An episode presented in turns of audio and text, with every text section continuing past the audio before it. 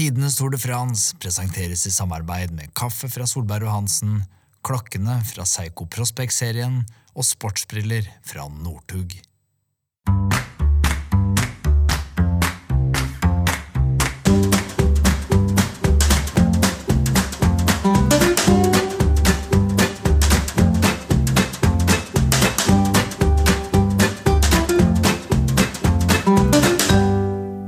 Hjertelig velkommen skal du være til tidenes Tour de France. Eh, Jeg er som alltid Hanso, og med meg så har jeg deg som alltid, alltid her. Jarle Fredagsvik. Jarle fra Jessheim. Jarle Fredagsheim. Nei, men Jeg synes det er kjempehyggelig å ha her. jeg. Det gjør jeg. Jeg setter veldig pris på det.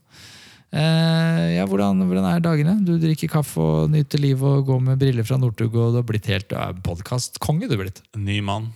En ny mann. Ja. Ja, jeg ser det på deg. Det gnistrer Jeg er. soler meg i podkastglansen. Ja, men det kan du gjøre. Det kan du faktisk gjøre nå. Men i dag så har vi et viktig oppdrag. I dag har vi et fantastisk kult oppdrag. I dag skal vi fiske i Tyrifjorden. Skal vi det, ja? Ja. Yes. Tar du med to stenger, du? ja. Ja. Nei, men Vi skal opp til Tyrifjorden, det er helt riktig. Ja. Og der skal vi møte en av dine kompiser. Gabas. Gabas.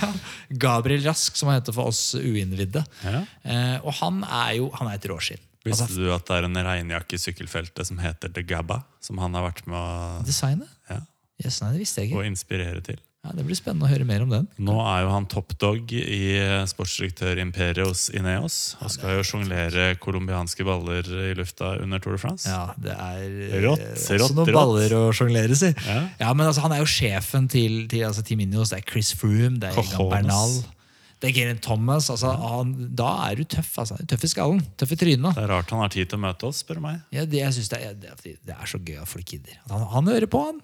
Han har lyst til å være med, selvfølgelig. Kjempemoro. Eh, jeg gleder meg til dette. Det, vi skal snakke om, eh, om Tour de France i 2012. Eh, som da er det første året hvor Sky, eh, som det het på denne tiden, vant Tour de France. Han var vel involvert i laget da, og han. Eh, skal Vi snakke om det? Eh, vi skal sikkert snakke litt om Tour de France som kommer nå òg. Hvordan Han skal jo da være lead sport director. Være på veien, sitte i bilen rett bak Froome og gutta krutt og instruere. Holde kontroll. Dritspennende. Det er jo bare å kjøre opp. Du kjører som vanlig. Fiskestengene er med. Ja, Da drar vi. Let's go. Yes, Da befinner vi oss her eh, Hvor er det egentlig vi befinner oss? Vik? Er det eh, Hole? Hva, hva er dette, Gabba? Ja, det er Vik i Hole kommune. Ja, Så, ikke sant? um, det er jo liksom sentrum i, i Hole kommune. Det er downtown Hole. Yes. Vi bør starte på å si det. Velkommen til podkasten vår Tidenes Tour de France, Gabriel Rask. Det er Takk skal du ha. veldig kult at du, du tar deg tid, fordi eh, du er jo en mann med dårlig tid, vil jeg tro.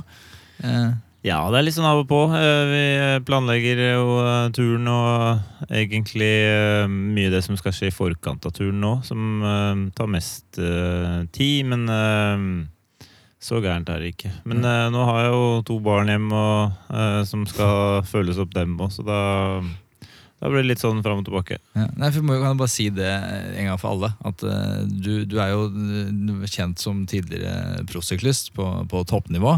Men nå om dagen så er du da sportsdirektør i verdens aller beste sykkellag, i Team Indios. Uh, sjefen til uh, Froome, Bernal, Thomas, hele bøtteballetten. Og du er jo, skal da være nå i august-september være leading sport director i, i Tour de France for den gjengen her.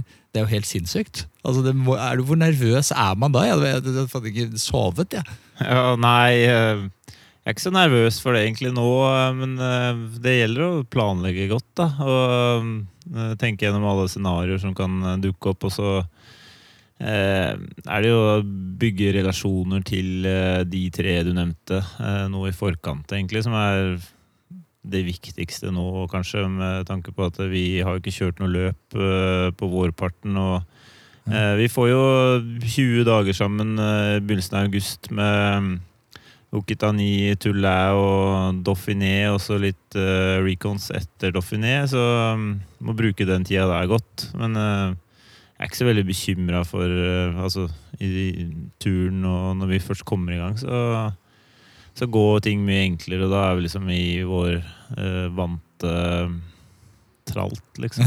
Ja, men jeg må, jeg må høre så mye mer. Ok, så, så, sånn som det fungerer, det har vært eh, korona, alle kjenner jo til det. Og da har de disse gutta trent. Nå trener de for seg selv, liksom? Er de, er de hjemme da? Sånn som Froome og Thomas, er de da i London, eller hvor faen de bor? Og er Bernal nede i Colombia, eller hva, hva skjer? De bor ikke i London, da.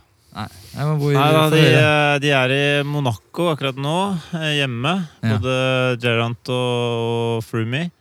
Um, og Egan er i Colombia. Har vært der uh, lenge nå. Men um, Bo høyt. De er gutta bor på lavlandet, er det lurt? da? De bor ved sjøen? Nei, men vi har, de har akkurat kommet ned fra en høyde. Vi har hatt en høydesamling i Isola uh, i juni. Og så skal de opp til Tenerife nå i juli.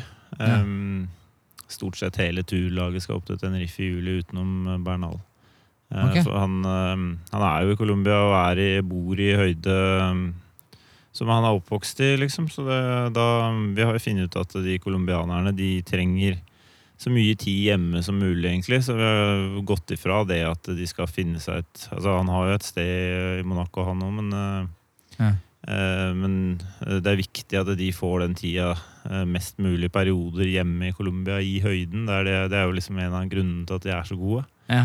Så um, uh, Så det å ta nei. en colombianer ut av høyden, det er liksom å, å kappe beina av en uh, europeer, liksom. De må ikke gjøre det. Nei, det, det blir dumt. Det er jo, en av grunnene til at de er så gode, er jo at de er jo bedre i høyden. Altså at de er oppvokst i den høyden og akklimatiserer seg mye fortere Ja. enn uh, europeere gjør eh, til høyden. Så, men eh, eh, vi har vel eh, fem eller seks høydesamlinger med forskjellige tropper eh, juni-juli. Både i Isola og i, eh, på Tenerife og Pordoi. Ja. Um, så det er jo så fort eh, vi hadde muligheten til å samle rytterne til å trene sammen, så, så har vi benytta de mulighetene. Og høydetrening har jo alltid vært viktig i, i i Nios. Ja, ja. Men, men hvem, er det som, hvem er det som vinner? Altså, det er jo dette tre, tre tidligere vinnere av Tour de France. Det er helt, laget er jo helt åndssvakt eh, på papiret. Hvem, hvem er kaptein eh, i årets Tour de France? Nei, Det er altfor tidlig å si nå. Det er 20 dager til eh, vi begynner å kjøre løp. Okitani. Ja. Og så skal vi kjøre Okitani, Tulle, Dauphiné. Um, og så blir det viktig å se hva som skjer nå på den Tenerife-samlinga. De har jo vært der eh, hvert eneste år, og vi har så mye data og erfaring fra Tenerife og bakkene der, og tester som er gjort der og sånn. Og formutvikling de eh, to ukene de er der, eh, kommer til å være viktig. Ja. Følge progresjonen på, på alle sammen før vi, før vi legger den kabalen. Men kan vi ikke bare gi Froome kapteinspinnet med en gang? Altså, han, Gi ham fem seire, liksom. Er, liksom. er ikke det litt stas? Jeg, mener, jeg er en Froome-fan. Ja, nei, eh, altså Han kommer jo til å levere, han! Det Kommer vik- til å være i det form. viktigste for oss er at laget vinner, ikke hvem som vinner. Nei, okay. Så det er um, Det er artig med Froome og fem seire, jeg ser den, men uh, Ja. Men det viktigste er at laget vinner. En fra laget. Jeg må skyte inn litt her. Jeg syns det er litt kult at vi er på Ringerike. ja. Altså, Birger Hungerholt, sykkelnestoren, har jo uh, trukket i trådene i Ringerike sykkelklubb i nesten alle år. Uh, han har fått eh, Gabba til å begynne å sykle. Mats Kaggestad, sønnen hans, var vel også ganske mye med en stund. Ja. Og nå er Gabriel ledende sportsdirektør i Norge, vil jeg si. Selvfølgelig. Som Ja, leading sportsdirektør i Ineos. Det er en ganske kul historie, Gabba. Ja, det er klart at Birger dro jo i gang alt sammen. Jeg husker jo, jeg var jo, spilte jo hockey da jeg var uh, liten. Og så var det et par kamerater på barneskolen som hadde begynt å sykle. Og da var det litt sånn uh, Jeg syntes det så gøy ut, men uh, de visste liksom ikke helt om det var plass til en til. da. Eh, Så da måtte jeg på en måte eh, manne meg opp og gå opp til Birger og spørre. da, Og det, det var jo selvfølgelig ikke noe problem med det. Eh, De hadde jo plass, men vi, etter det så var det, det var en harde Det var ikke alle skal være med-mentalitet eh, i den gruppa vi var. Altså, det var det var den harde kjerne, og så hvis det kom noen nye, så skulle de testes første økt. Uansett om de kom med joggesko og, og, og shorts, liksom. Så var det full pine ut fra start. Og hvis de kom igjen, så kanskje det var håp. Men, eh, Men det var tøft, tøffe skoler. Det var mye unger som satt og grein i veikanten rundt omkring i Holo og Ringerike. Ja. Men i, i 2012, som vi skal snakke om i dag, da var jo du efter sjø. Ja. Og så plutselig, jeg må innrømme at jeg var litt overraska, får vi eh, ringe Birger meg og sier eh, Gabba skal til Sky. Jeg var litt, litt overraska at du kom deg inn der. Hva, hva tenkte du sjøl rundt den overgangen der, og hvordan skjedde det? Nei, altså jeg, eh, jeg eh, var jo i Garmin, da. Eh, og så mm, eh, var det litt misforståelser der og litt sånn fram og tilbake. Så jeg Det endte jo med at jeg ikke fikk ny kontrakt i Garmin, og så mm, og så fikk jeg muligheten i Eftersjø, og etter det så Ja, jeg syns ikke det var eh, Det var ikke topp for meg, liksom. Jeg var jo ikke så ung lenger. og Vurderte du å legge opp da, eller? Eh, nei, og så fikk jeg kontrakt med det derre um, sveitsiske laget. I am cycling. Ja, så jeg signerte jo med de, og så dukka Sky opp eh, litt etterpå. Da, da, da fikk jeg annullert den avtalen, på en måte, og så var ikke det så mye å tenke på.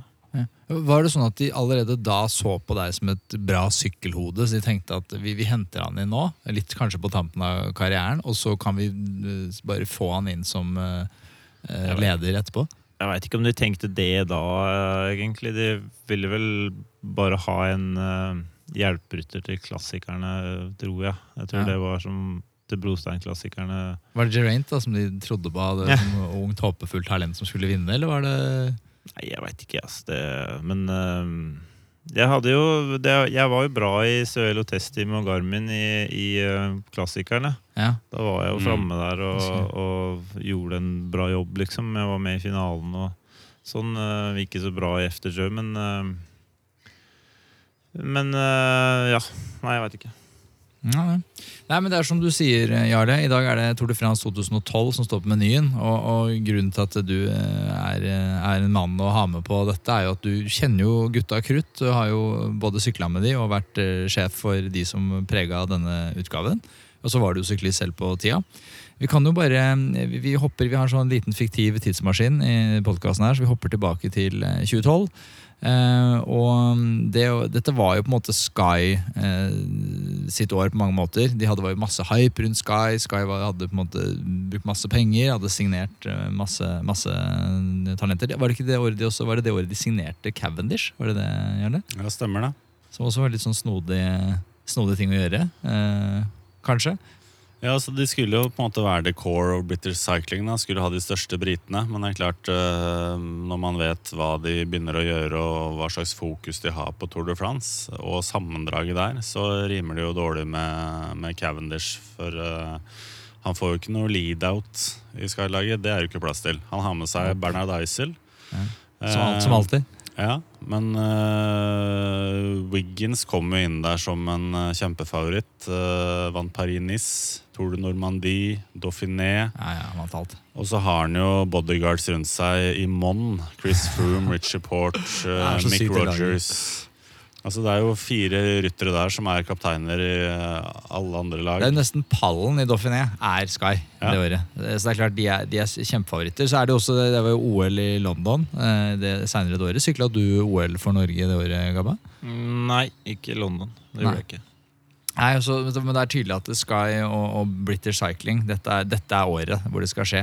Eh, Vi snakker jo alltid litt om favorittene. Wiggins er jo nevnt, selvfølgelig. Kaptein på Team Sky. Har med seg eh, en gjeng av flinke folk. Eh, Det andre vi kan nevne, er vel Ked Levens. Det, han vant jo Tornet i 2011. eh, Hadde slitt litt med sykdom, men begynte å vise form. Tredjeplass Dauphiné. Og så kommer de med et lag som er fullt og helt bygga rundt han. De har, Ikke altså, de har ikke noen cav som forstyrrer de. De skal Nei. bare gå for Evans, så det er også litt viktig hvordan du setter opp laget. Nibali bør vel nevnes. Han er jo alltid å regne med på den tida der. jeg syns de har litt kult lag. Litt sånn rock and roll. Eh, Nibali, Basso, Daniel Aas, Peter Sagan. Ja, ja, ja. Eh, Nibali hadde jo vunnet én eh, Grand Tour når vi kommer hit, og det var eh, Vueltaen fra 2010. Han eh, var veldig bra i vårsesongen. Vant i, eh, på Green Mountain i Oman.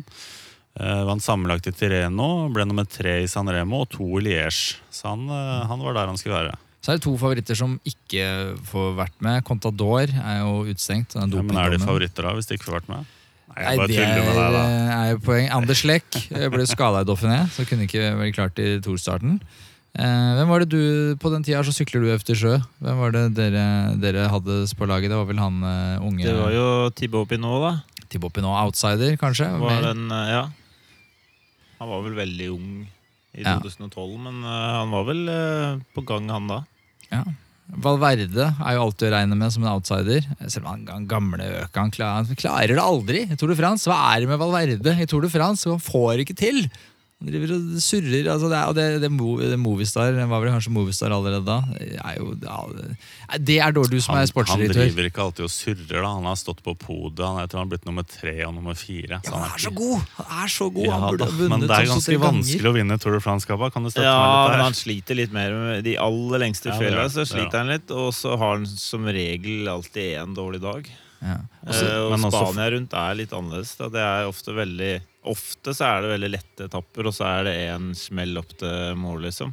Men for en rytter han er, da. Er det ikke sånn at alle ønsker seg at hvis jeg skal, kan være som en fyr, så er det Valverde, liksom. Det er jo klasserytter. Altså, kanskje bortsett fra Tour de France-podiet. da. Ja, Han er noe av det råeste som sykkelsporten har sett. Ja, han er sånn 41 nå, for de gir seg ikke han. Han kommer til å vinne det er klassikeren i år igjen, han som alltid bare er klippekort. Han ble verdensmester som 38-åring. Det er jo Ja, helt rått. Altså, moden alder. jeg er veldig glad i Valverde, men jeg bare, jeg, hadde han vunnet Tour de France i tillegg, så hadde han vært bare sånn snakkes. Bare fullstendig. Ha det Ja, bra. ja. Men sånn som eh, du som er sportsdirektør, jeg tenker sånn er det De fleste lag tenker jeg sportsdirektøren der, de er smartere enn meg. De er bedre, de burde, burde ikke ha meg. Men akkurat Movistar, der tror jeg faktisk at der kunne jeg ha gjort en innsats.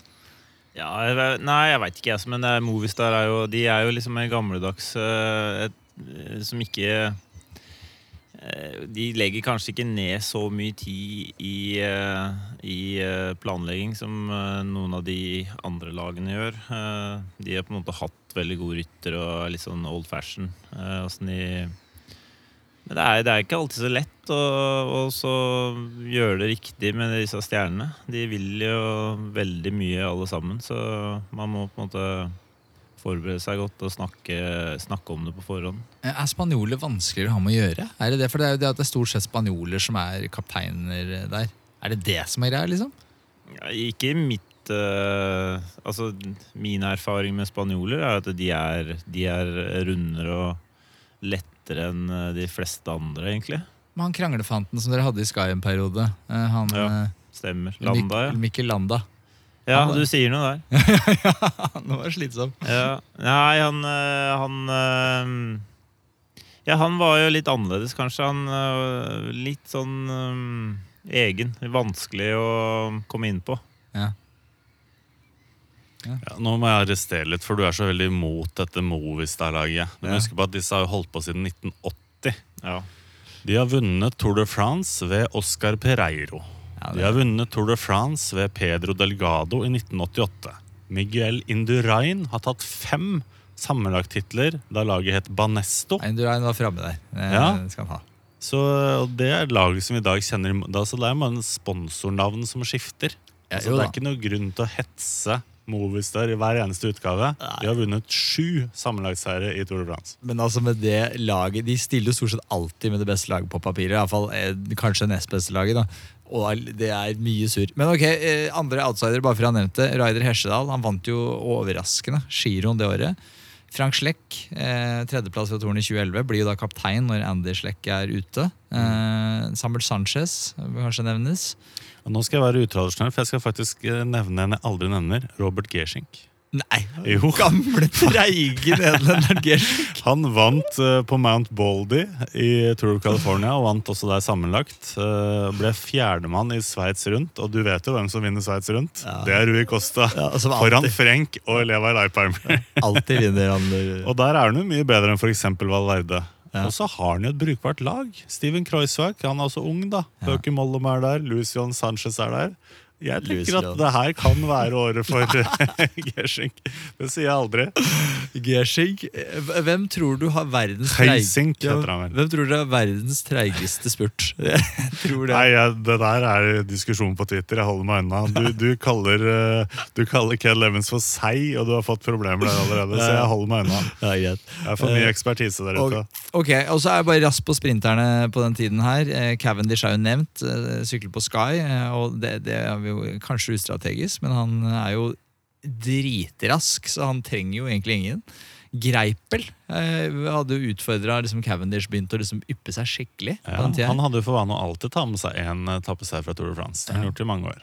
Eh, Kittel var jo på gang på den tida her. Ja, Eh, Og så er det Peter Sagan sitt debutår i Tour de France. ja. For en superstjerne han er. Men han får vel ikke til noe når det er debuten. Ja, Vi får se. Ok. Løypador, eh, Jarle, er det noe vi må merke oss? Eh, hva er det jeg har skrevet her, da? 3479 km totalt. Ni flate etapper. Fire high mountain stages. Eh, fire litt sånn halvkuperte. Begynner i Eh, Liège. Begynner i Liège. 96,1 km med ITT. da Det er Ja. brukbart for Bradley å boltre seg på. Var det første etappen? Nei, men altså totalt 96,1 km med tempo. Ja, det er klart at det var jo Sånn, sånne Tour de. France lager man ikke lenger. Stor fordel for han. Nei, eh, de, eh, men det varierer jo. Eh, I år så er det jo bare 36. Ja, Men det er jo fordi Sky ikke skal vinne, hvis ASO får det som de vil. Ja, kanskje. Men det er, jeg tror tempospesialistene er nok best på den tempoen uansett. Men ja, det er ikke så mye tid til sammen.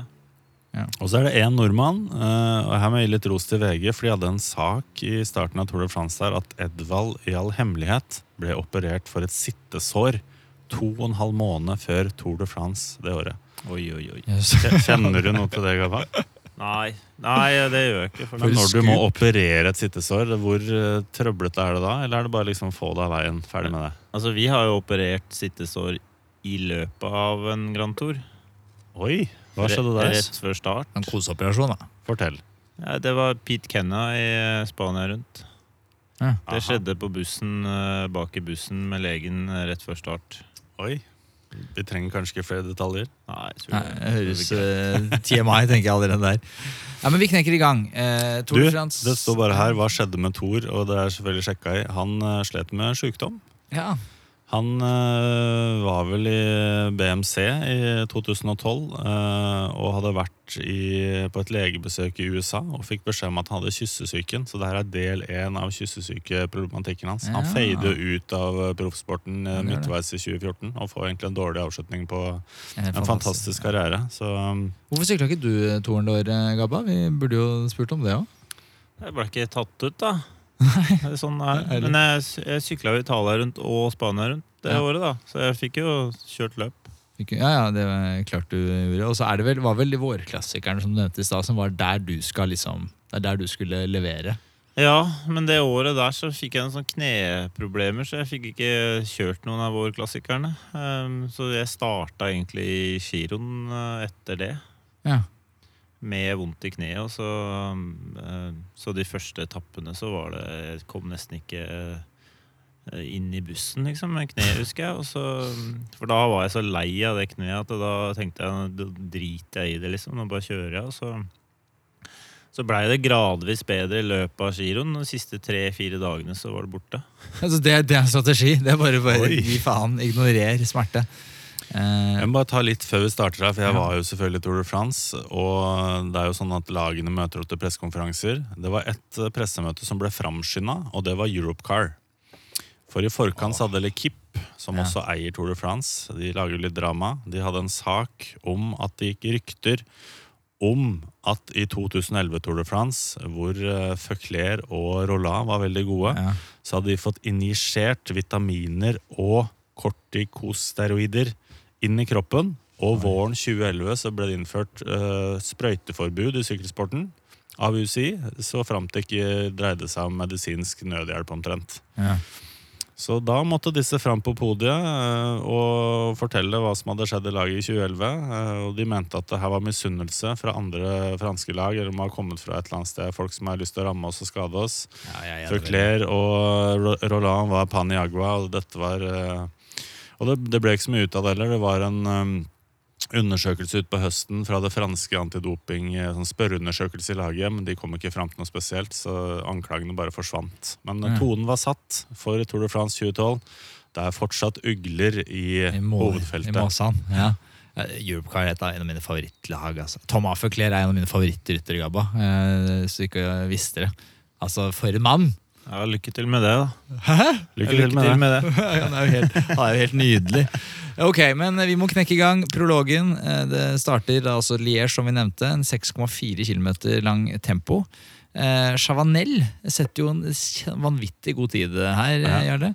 Ja, holder gjør en, lenge. eh, gjør en fantastisk uh, kort eh, temposak. Da. Han var jo kjøresterk og hadde en bra avslutning. Og, men det er overraskende at han henger så godt på de store kanonene. Ja, for det er stort sett de store kanonene som dominerer lista. Så kommer jo Wiggins, da.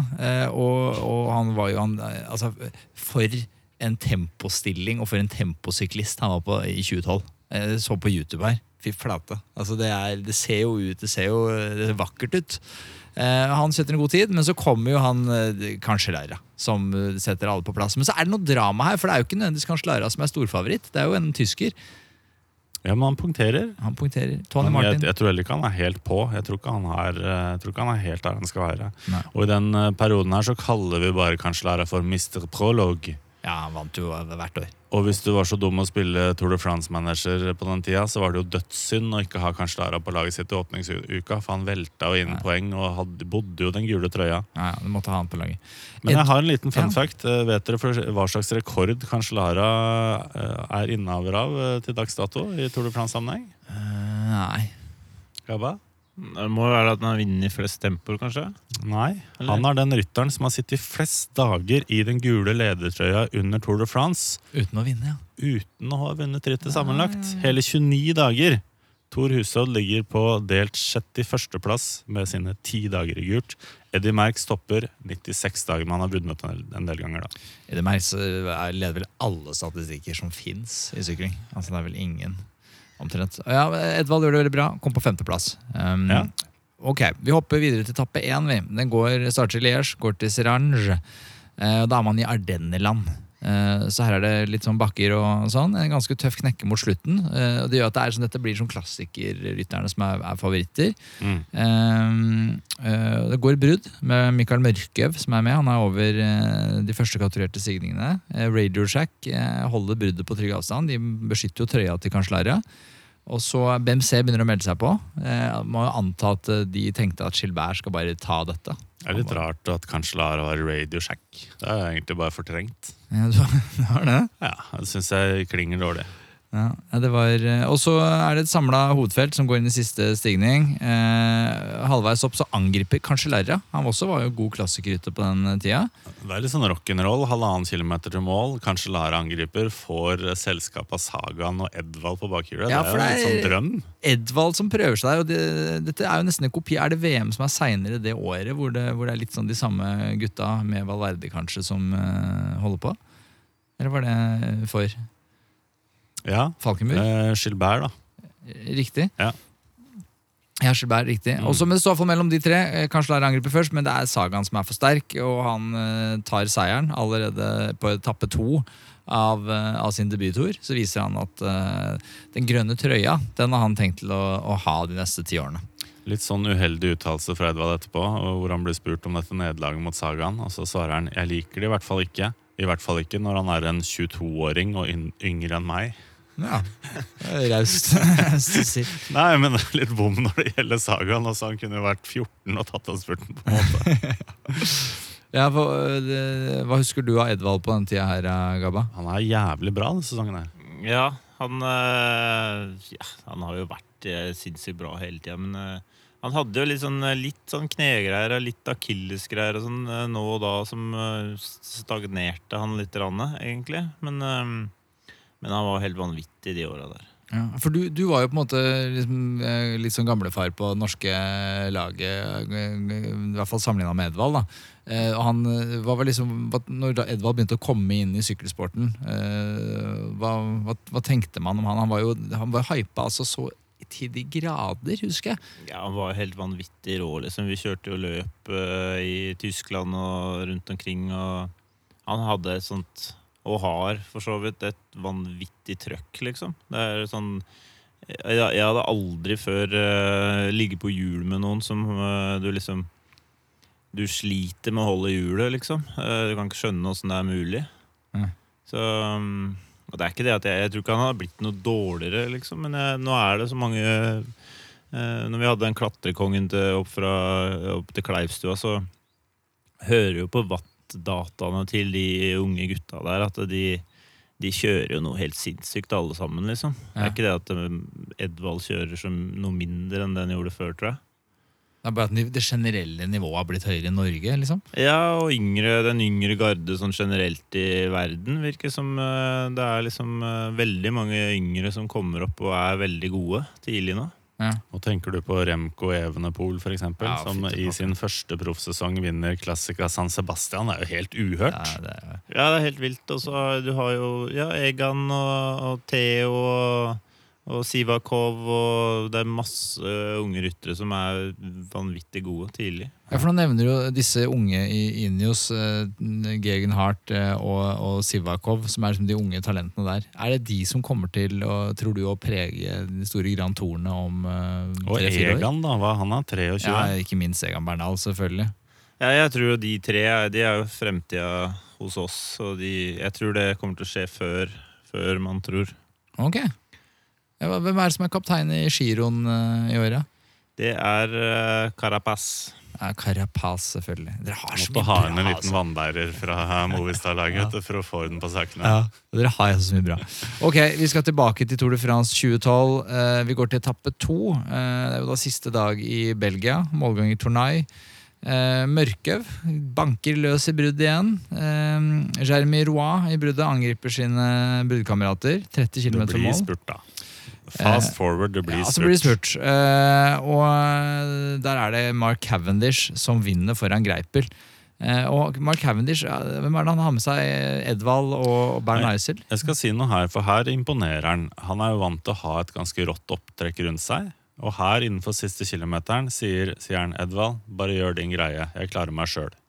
Han skjønner at dette ligger for Greipel. Han setter seg på Lotto Bellisol-toget og hopper forbi Greipel på slutten. Eh, Ja. Edvald sitt, og Bernie Eisel sitter bak der og kontrollerer, på en måte, engasjerer seg ikke i spurten engang. Triller inn og blir nummer 19 og 20. Ja. Cavendish gjør alt på egen hånd. Men altså, Cavendish, vi har snakka om dette mange ganger eh, Gabba, Gabba, på, med andre her. Altså, hvem, eh, hvem, er den rask, altså, hvem er den raskeste du kan huske eh, på, på sykkel? Det må være Doffen, da. Doffen er helt sinnssykt rask. Men, uh, Ja. men Cavendish, ja. Han, uh, han har vunnet så mye løp. Og, men uh, ja, selv om han ikke hadde et opptrekkstog da, så er det jo litt sånn Altså Det er to forskjellige måter på en måte å, å, å hjelpe en spurter. Og det er skjermen for vind inn til den siste kilometeren, kanskje, og så sørge for at han finner et hjul da. Mm. Og hvis du gjør den jobben veldig godt, sånn som helt sikkert Edvald og, og Bernie gjorde Ja.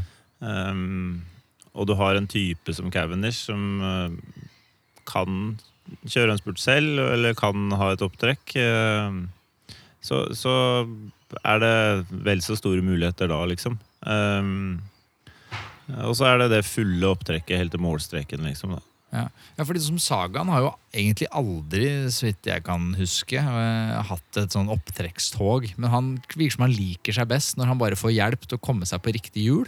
Og så bare tar Han han det har derfra fått mye hjelp også. Han har fått Jo, mye han hjelp fra han har Liquigas-laget. Ja, men ikke sånn, ikke sånn opptrekk, sånn der Colombia-opptrekk som Cavendish hadde, eller det der Shimano-toget til Kittel, Det er liksom. ikke plass til så mange av den eh, skalaen, da. Det er litt sånn- det er litt sånn, Sju, eh, sju sånne superopptrekk. Nei, og så er det litt sånn du, Det er mange av de beste spurterne som foretrekker å være alene de siste, den siste kilometeren. Liksom, at de kommer dit så billig som mulig, og så, og så kan de velge sporet sitt sjøl. det er vanskelig å stole på en annen rytter, at han skal velge det sporet som er riktig inn mot spurten. At du havner i den, akkurat den posisjonen du vil sjøl. Og det er vel få som er så gode som Sagaen til å til å gå inn i små luker og finne plass. Hvorfor er det, så, er det bare at han er gæren i huet, liksom? Han bare tar sjanser ingen andre tør? Ja, han er jo det, og så handler det om å være Du må være rask eh, for å komme inn i de lukene og, og ha litt eh, breie albuer og riktig hode, da. Så Ja. um, det er litt sånn typisk at eh, man begynner å velte mye hvis man ikke er i toppform, liksom. Fordi at du rekker ikke den siste ti centimeteren Ja. inn i små luker, som du ellers ville gjort hvis du hadde hatt et lille punch i beinet. Han tar for seg på oppløpet, Sagaen. Altså. Han er ikke noen snill gutt. Nei, ikke det, nei. Nei, Det burde vært mer var i sykkelsporten. Du mener det? Ja, han har jo blitt litt han ble felt eh, et par ganger, har han ikke det? Var det Ja. året han ble kasta ut? Ok, etappe tre. eh, da er vi i Frankrike.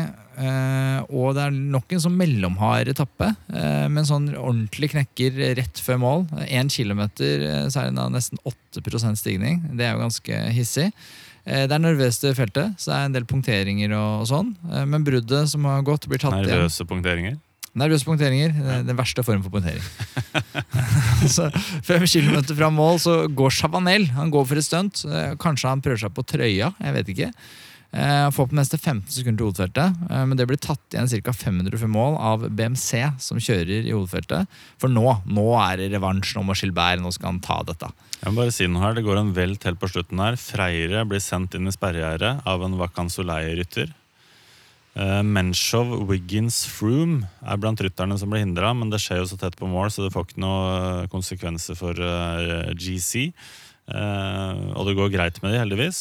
Ja. Og så må jeg bare innrømme at det er vanvittig klasseforskjell mellom Sagan og Boasson Hagen i den avslutninga. Ja, fordi Altså, han leker. Første etappen så var han hulken over mål, og her er det en sånn Forest Gump-imitasjon. Hvor Ja, han bare riktig. løper over målstreken. Altså Han bare shower og koser man har, seg. showa, og- han har begynt å showe mindre. På den sida der så var det fullstendig eh, Det var jo party, liksom, når Sagaen vant. Han har blitt litt mer sånn eh, forsiktig med det på sine gamle dager. Ja, Kanskje blitt litt mer moden. Blitt pappa. Jeg elska denne sagaen fra den tida her. Og han, han, forgrep seg basically på alt som var av disse podiedamene. Uh, ja, eller kanskje Det var kanskje i overkant, da. Men han var, det var show Det var show rundt han Edvald på andreplass, det er imponerende. Men Sagaen som selv vinner. Ja. Uh, etappe fire. Flat etappe. Det blir, eh, blir en spurt igjen. Eh, det går en velt her, tre kilometer før mål, og det hindrer Cav. Så Cav er jo ikke med i den spurten her. Og da er det jo han eh, tyskeren ja, som viser seg, André Greipel. Ja, Da Som, tar han den eh, ene etappeseieren han skal ha, vet du. Eh, riktig. Eh, ja, man han, bare, han er vel eh, Han er vel frampå igjen litt seinere i Toren, men eh, han vinner iallfall denne. Etappe fem, så er det, det er flat tapp igjen. Eh, her eh, by, Kittel bryter, og for han har jo ikke vist seg noe i disse spurtene. Jarle. Du, Nå må jeg spole deg tilbake. Nå gikk det litt fort. Okay. Det er bare én ting som er veldig viktig på starten av etappe fire. I Abbeville. Der er jeg sammen med mine journalistkolleger og driver og reker rundt langs elva der. Jeg tror den heter La Somme. Ikke noe fisking? Diger elv. Nei. The Telegraph har skrevet at fire ryttere, Dave Zabriskie, Joe Chinkapi, Christian van de Velde, Leva Leipheimer og Garmin-sjef Jonathan Waters har innrømmet eget dopingbruk under sine aktive karrierer. Ja, var det her, ja? Og i tillegg inngått en avtale med USAs antidopingbyrå for å avsløre dopingen til Lance Armstrong. Det skjedde på etappe, eh, den samme dagen hvor etappe fire gikk. Ja. Altså da, Der bryter nyheten ut, og da flokker vi oss rundt bussene til Garmin spesielt. da De har to rytter og voters. Ja. BMC, som har Hinkepie. Og, um, og han uh, sistemann, da. Glemte jeg hvem det var. Uh, Leva Leipheimer, som da sykler for Quickstep. Ja. Og de sier jo ikke så mye, de gutta her. Uh, jeg tror det er uh, Voters kom med en liten sånn eh, Eller han henviser til noe han, har sagt tidligere. Jeg tror Hinkepie forteller litt. eh, og vi skjønner det jo ikke der og da. Men uh, dette er jo klappjakten på lands. Ja, og senere denne høsten så begynner eh, jeg og Anders i VG-nett hvert fall å jakte på Steffen Kjærgaard. Var du med? Var du involvert i det? Jeg satt og jobba med Moton-saken en uke. Og var i dialog med Steffen. Og så kommer det, når jeg egentlig skulle snakke med ham, kommer det en sånn ilmelding på NTB hvor det står Steffen Kjærgaard, eh, kaller inn til pressekonferanse, skal snakke om eh, dopingmisbruk i danske Chicky World. Ja. det, for det var Moton-saken, da. Så Så, det, det, det starter her. Vi skjønte det ikke da.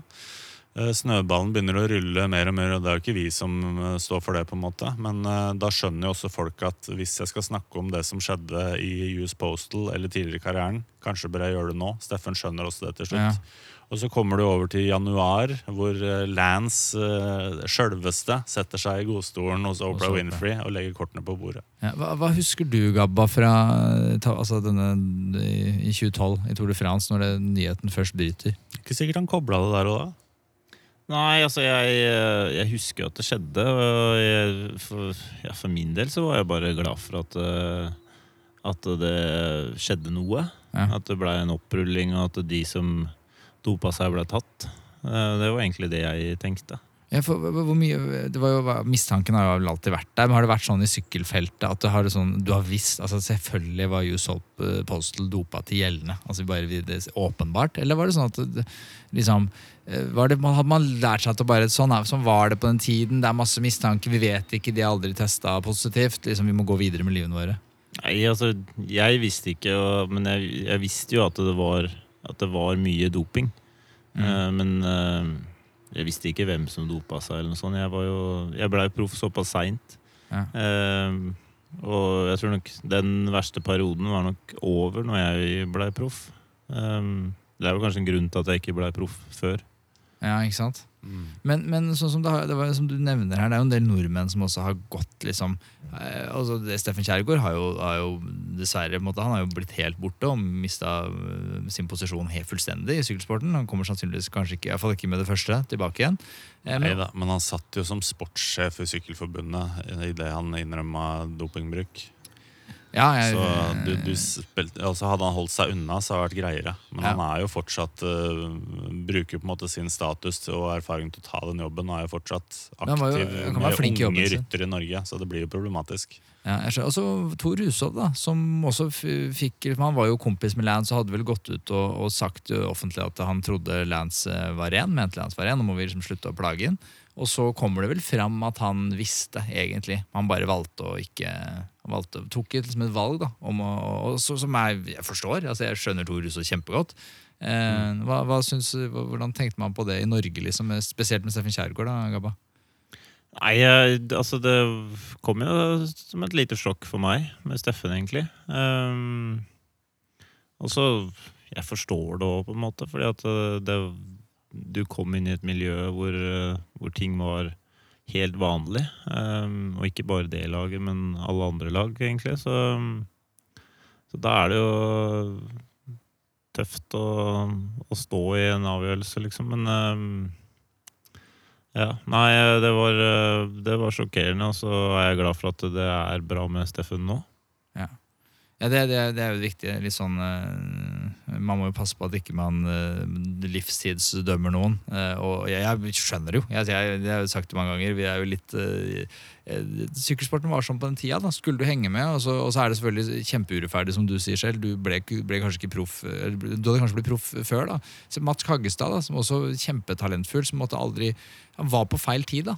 Og så hadde talent, men fikk liksom ikke de mulighetene han kanskje kunne ha fått. Eh, og Tor Hushovd mener jeg er blitt fratatt medalje på medalje. Eh, han, altså, han ble ikke OL i er det Sydney eller Aten, eller når det er, hvor han eh, er på sjetteplass på en tempo, hvor de rekka foran han er liksom de verste syndebukkene i syklingens historie.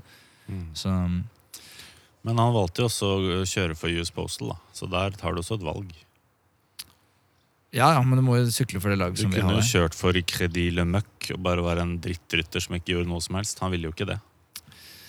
Nei. Nei, det er jo, altså, det er, her er jo en drøm fra du er eh, barn, liksom, å bli proffsyklist for det største laga laget i verden. Så det, det er vanskelig. Uh, og så er det jo Altså, alle kan gjøre feil, tenker jeg. Uh, selv om det Jeg ville ikke gjort det samme.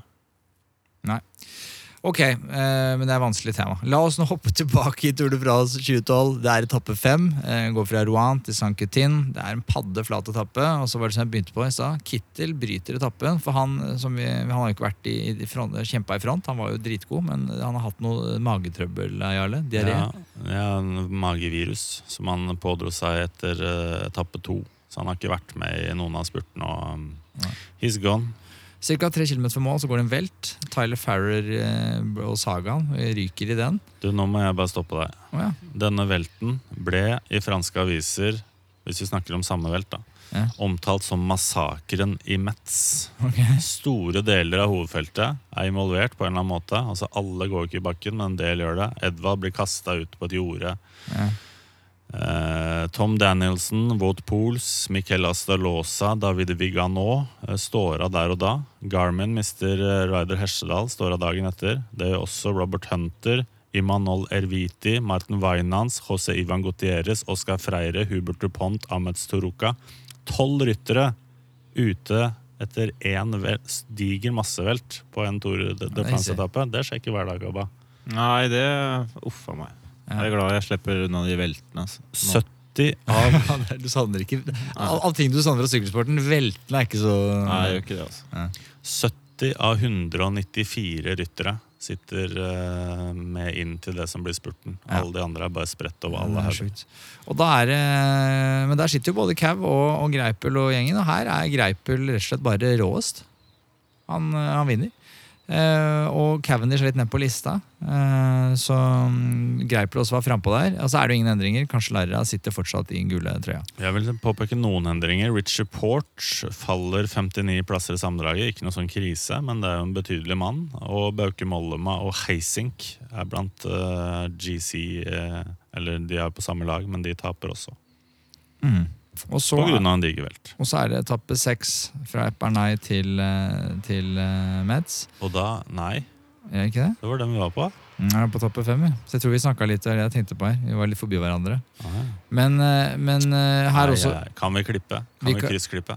Vi, vi driver ikke med klipping her. Okay. Her alle feil skal bare kringkastes til alle. Nei, men Vi, vi, kan hoppe da til slutten her. Det, det blir også en, en spurt på slutten. eh, Når det er ni flate etapper, sier jeg sjøl at det blir mange Ja, spurter å holde styr på. Ja, men her er det Petter Sagan som vinner, foran Greipel. Eh, og så er det den velten du nevner. Det, er denne etappen den, den går, da. Ok. Ok, vi, vi hopper over til etappe syv, for det her begynner å bli litt action. Nå skal sammenlagtfavorittene for alvor begynne å føle litt på hverandre. Uh, Og denne etappen her husker jeg faktisk kjempegodt. Og da skal vi til Vågesene. Det er der det skjer. I, Helt riktig. Eh, I Pyreneene. Og er Vågesene. ja, så- som man, jeg, jeg er ikke så lommekjent geografisk som deg. Jeg er absolutt ikke i Pyreneene. Er det ikke det? Nei. Den eh, etappe syv, den, den, den, den, slutter opp eh, La Planche de Belfi I Vogesene. eh, i, uh, i Vogesene. Ja. Ganske midt i Frankrike, egentlig. Litt ut på siden. Ja, Men hva, ikke på det er ikke Pyreneesiden. Pyreneene, Gabba. Eh, Du, mener, du har Ja, vært det i er Frankrike. nærme Moulouse, nærme Basel. Ja. ja, ok. Altså, jeg er på bærtur. Og, eh, ja, Ja, men er jeg er bomma jo på forrige etappe, så dette er greit. Ja, det er greit, det er bra. Men, eh, men denne etappen her, den tror jeg, tror jeg dere husker. Eh, Den slutter jo da opp den beinharde La Planche de Belfi, eh, som da er eh, 8,5% i snitt, og 14% siste meterne. Eh, Og her, eh, her blir det litt eh, trøkk, Jarle. Ja, altså her viser jo egentlig Sky fram sin gameplan. Det er at de setter et brutalt tempo i front av feltet. Og hvis det er noen som er så dumme at de prøver å angripe, så vil de bare gjøre det. Men de kommer til å komme i retur fem, fem kilometer seinere. Ja. For der sitter jo de med Edvald i starten, som gjør en kjempejobb. Ja, og når du kommer litt eh, godt opp på siste fjellet, da, som vi skal til etter hvert, så sitter jo Rogers og tråkker foran uh, hvem andre som sitter der? Richie Port Richie Port. sitter der, og så har du Chris Froome der, og så har du Wiggins som sitter og koser seg bakerst uh, på hjulet. Og det her er jo Altså Det er jo kombinasjonen med at det er veldig mye tempokilometer, og så er det også overlegenheten til Sky i disse bakkene. Og så kan du jo spørre konkurrentene, da. Hvor skal de egentlig ta tid på Sky? Hvor skal de slå Sky? Hvordan skal de klare å stå imot det her? Og, og det er jo altså 2,4 km fra toppen så sitter Port, Froome, Wiggins, Evans, Nibali, Menshov og Rein Taramé sitter igjen i feltet. Hvor er Frank Schleck, Samuel Sanchez, Thibaut Pinot, Valverde, van den Broek, van Endert, Ja, Mollema? Hazink, Kløden, Leipheimer, Basso, van Guideren? Alle er blåst av. Ja. Og så er det Froome som, eh, som setter tempo. Evans, eh, og det er vel Evans og Froome og Wiggins bare som sitter igjen helt til slutt. Og da tenker man at det her må jo Evans ta. Han var jo, hadde ganske bra spurt eh, på den tiden. Men, men så angriper Froome. Eh, Og kjører fra alt og alle. eh, Og viser kanskje allerede der første liksom konturene at eh, den beste klatreren i Sky er jo ikke Wiggins. Det er jo Froome. Froome vinner. Og så er det vel dette første og siste gang Wiggins og Froome klemmer hverandre, tror jeg. For Da får han en god klem av Wiggins, som gratulerer og sier liksom bra chapeau, bra levert. Wiggins hopper vel da inn i gul trøye på den etappa. Jeg syns det er litt gøy der, fordi Froome er jo kjempefornøyd. Og liksom eh, to armer over hver og jubler helt ekstatisk. Og så kommer jo Wiggins over, liksom én hånd opp for han også. Ja, ja, ja. Det ser litt sånn eh, altså, For the cameras. Hva, hva, tenker du, Gabba? Altså, det er jo selvfølgelig fint med en etappeseier. Er eh, Froome nødt til å prøve å ta han, eller har han fått lov til å ta han? Eller hva, er det som egentlig skjer det noe spennende der, eller er det bare grei skuring? Nei, altså, Froomey er jo vinnerskalle. Han skal jo vinne. Eh, Ja. Så eh, han er jo spesiell. Og så Og så Det var nok ikke lett for han å jobbe for eh, Wiggins. Det var det ikke. For han Så- følte han var bedre på den tiden, eller? Ja, han gjorde nok det. Eh, og så Men så var de vel, eller vi, kanskje mer sikre på Wiggins med tempoferdighetene hans og, og Mm. sånn. Um, så Og så kan det jo være at uh, uh, vi som, eller de som var i laget da, ble litt overraska òg, hvor god Froome var. Jeg kanskje ikke regna med at han skulle være så god i det klatre som det han var. Um, men um, Ja, nei, det var en utfordring, det. For Froome hadde jo all verdens grunn til å være litt forbanna etter at de, eh, det mener jeg virkelig Sky surra jo bort en soleklar seier for han i Vueltaen. Nå har han jo fått den seieren i posten i etterkant, altså det gikk jo greit. Men, men der, der hadde jo han vunnet, hadde de sykla for Froome i det sekundet de skjønte at Wiggins er jo ikke god nok. Eh, og så gjorde man ikke det, for man hadde virka for meg litt som at Brailsford, Dette har vært min hypotese, som har sett det, at Brailsford har en måte et eller annet relasjon, et eller annet bånd til Wiggins. altså bestemt seg for at det er Wiggins som skal bli den første. Det er han som skal først. Eh, og så nekta han å gi seg på det. Eh, og så ble jo Wiggins først. da, Du, du må jo være drita god for å vinne Tour de France, så, så han leverte jo. Men spørsmålet er om hvis Froome hadde sykla på et annet lag, eller Froome hadde fått sykle for sine egne sjanser Det er ikke sikkert at det er Wiggins som var den første briten som vant Touren da. Nei, det er ikke sikkert, men eh, jeg tror nok uh, i bunn og grunn så lærte nok uh, Froome veldig mye av Wiggins uh, det året. Ja. Hvordan han kan vinne en Grand Tour. For at uh, Froome var veldig impulsiv uh, før det året. Det var derfor han ikke var så um, god jevnt over, liksom. Så um, han har jo skjønt det i etterkant at eh, eh, man må ta litt og litt tid. Du kan ikke Ja. ta alt på én dag. Um, bortsett fra giroen, når du vant den. da. Ja, ja. Kan jeg også si at Wiggins var soleklart mest populær av de to hjemme i Storbritannia. ja ikke sant? Jeg tror uh, Froomey har jo knapt fått en utmerkelse uh, for det han har gjort. Mens uh, Wiggins eh, fikk jo priser kasta etter seg her og der. Ikke at det er det viktigste. Men eh, Nei, det fortsatt, ek altså, ekstremt populær utøver Bradley Wiggins. Da. Jeg kan også skjønne, og jeg er enig med det du sier, Gabba. Tempokortet der er jo sikkert som banken.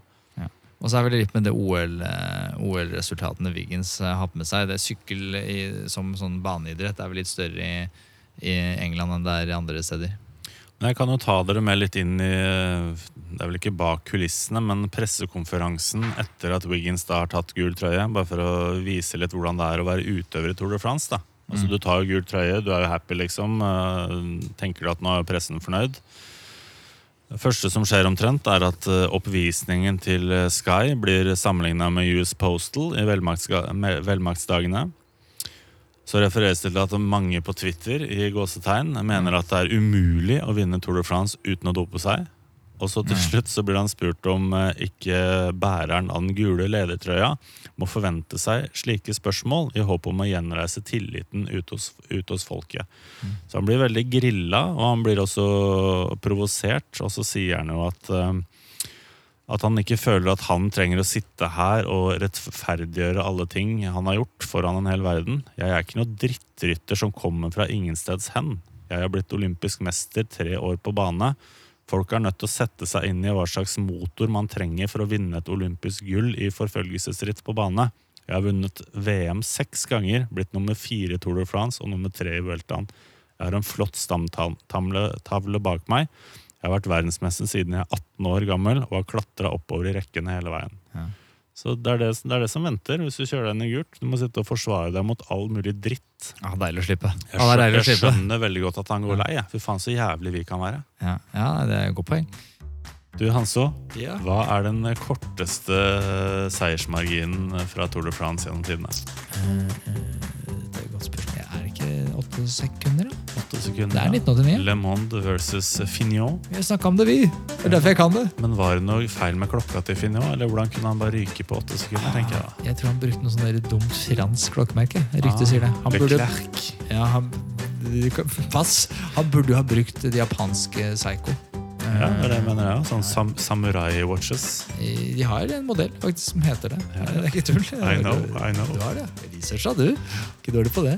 Nei, men, eh, nei, men sammen med Psycho, Psycho som heter, så har vi en uh, kul konkurranse gående. Vi, vi, vi vil jo gjerne at folk rater podkasten vår. da. Podkastappen eller der man hører podkast. Der det er mulig å rate. Eh, For det hjelper oss veldig med å få ordet ut, så flere kan høre om det lille nerdeprosjektet vårt. Og jo flere som hører på oss, jo flere World Tour-proffer, Boasson Hagen, Kristoff og gutta kan vi eh, reise ut til å snakke med. Ja, Vi håper i hvert fall at det er en, er en sammenheng der. En korrelasjon, som man sier på, i matematikken.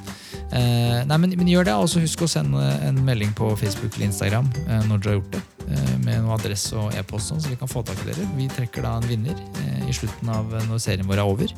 Så eh, vinner en heldig vinner en Psycho Prospects Alpinist limited edition til en verdi av nesten 9000 kroner. Den er rålekker. Altså Det er sånn, det er blanding av pen og pyntelig, men også sporty. Det er på en måte idealklokka. Det er den ene klokka du trenger. Og sexy. Det er ikke minst sexy, alle. Det veit du jo. Eh, så Nei, men vi hopper tilbake til poden, gjør vi ikke det? Eh, etappe åtte. Da er man i Jurafjellene i Sveits. Eh, det er ganske tøff etappe, selv om det ikke er de aller tøffeste stigningene her. Eh, Samuel Sanchez han eh, må bryte her, for han, han klarer å snuble seg inn i lagkamerat som får brudd i hånda. Det er ganske klønete. Eh, og så går det et brudd, og her er det en mann som jeg Det er første og siste gang jeg husker jeg har lest navnet hans. Altså han, Fredrik Kessiakoff. Han svensken. Han var jo ordentlig framme på Husker du han, Gabba? Ja, han vant uh, Nordfjell Grand Prix han, i 2005. Ja, Det er hans claim to fame før han eh, dukker opp da i Toren i 2012.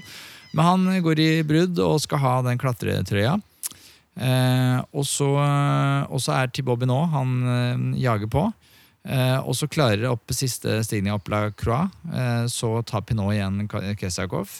Og så eh, husker vi etter disse bildene. Jeg vet ikke om eh, jeg så det på YouTube her. Mm. Men det er han der, hva heter han der laglederen i, i Eftersjø på den tiden? Du husker jo han, dette var jo din mann, din sjef. Mark Madiot. Ja, han. han var en, han var frisk. Ja, han er frisk. Han, eh, når han hadde taktikkmøte, så var det sånn rolig, fin start. Og så på slutten så sto han bare og skreik. Fransk general. Ja, for han, han, han kjører bilen opp, altså rett ved målstreken, så kjører han bilen opp ved snappen nå og strekker armene ut i, i været og skriker og hyler. Og det er jo, kameraene er jo mye mer retta mot han enn det er på Pinot, som krysser eh, målstreken. Eh, det kan bli for mye av det gode, kanskje?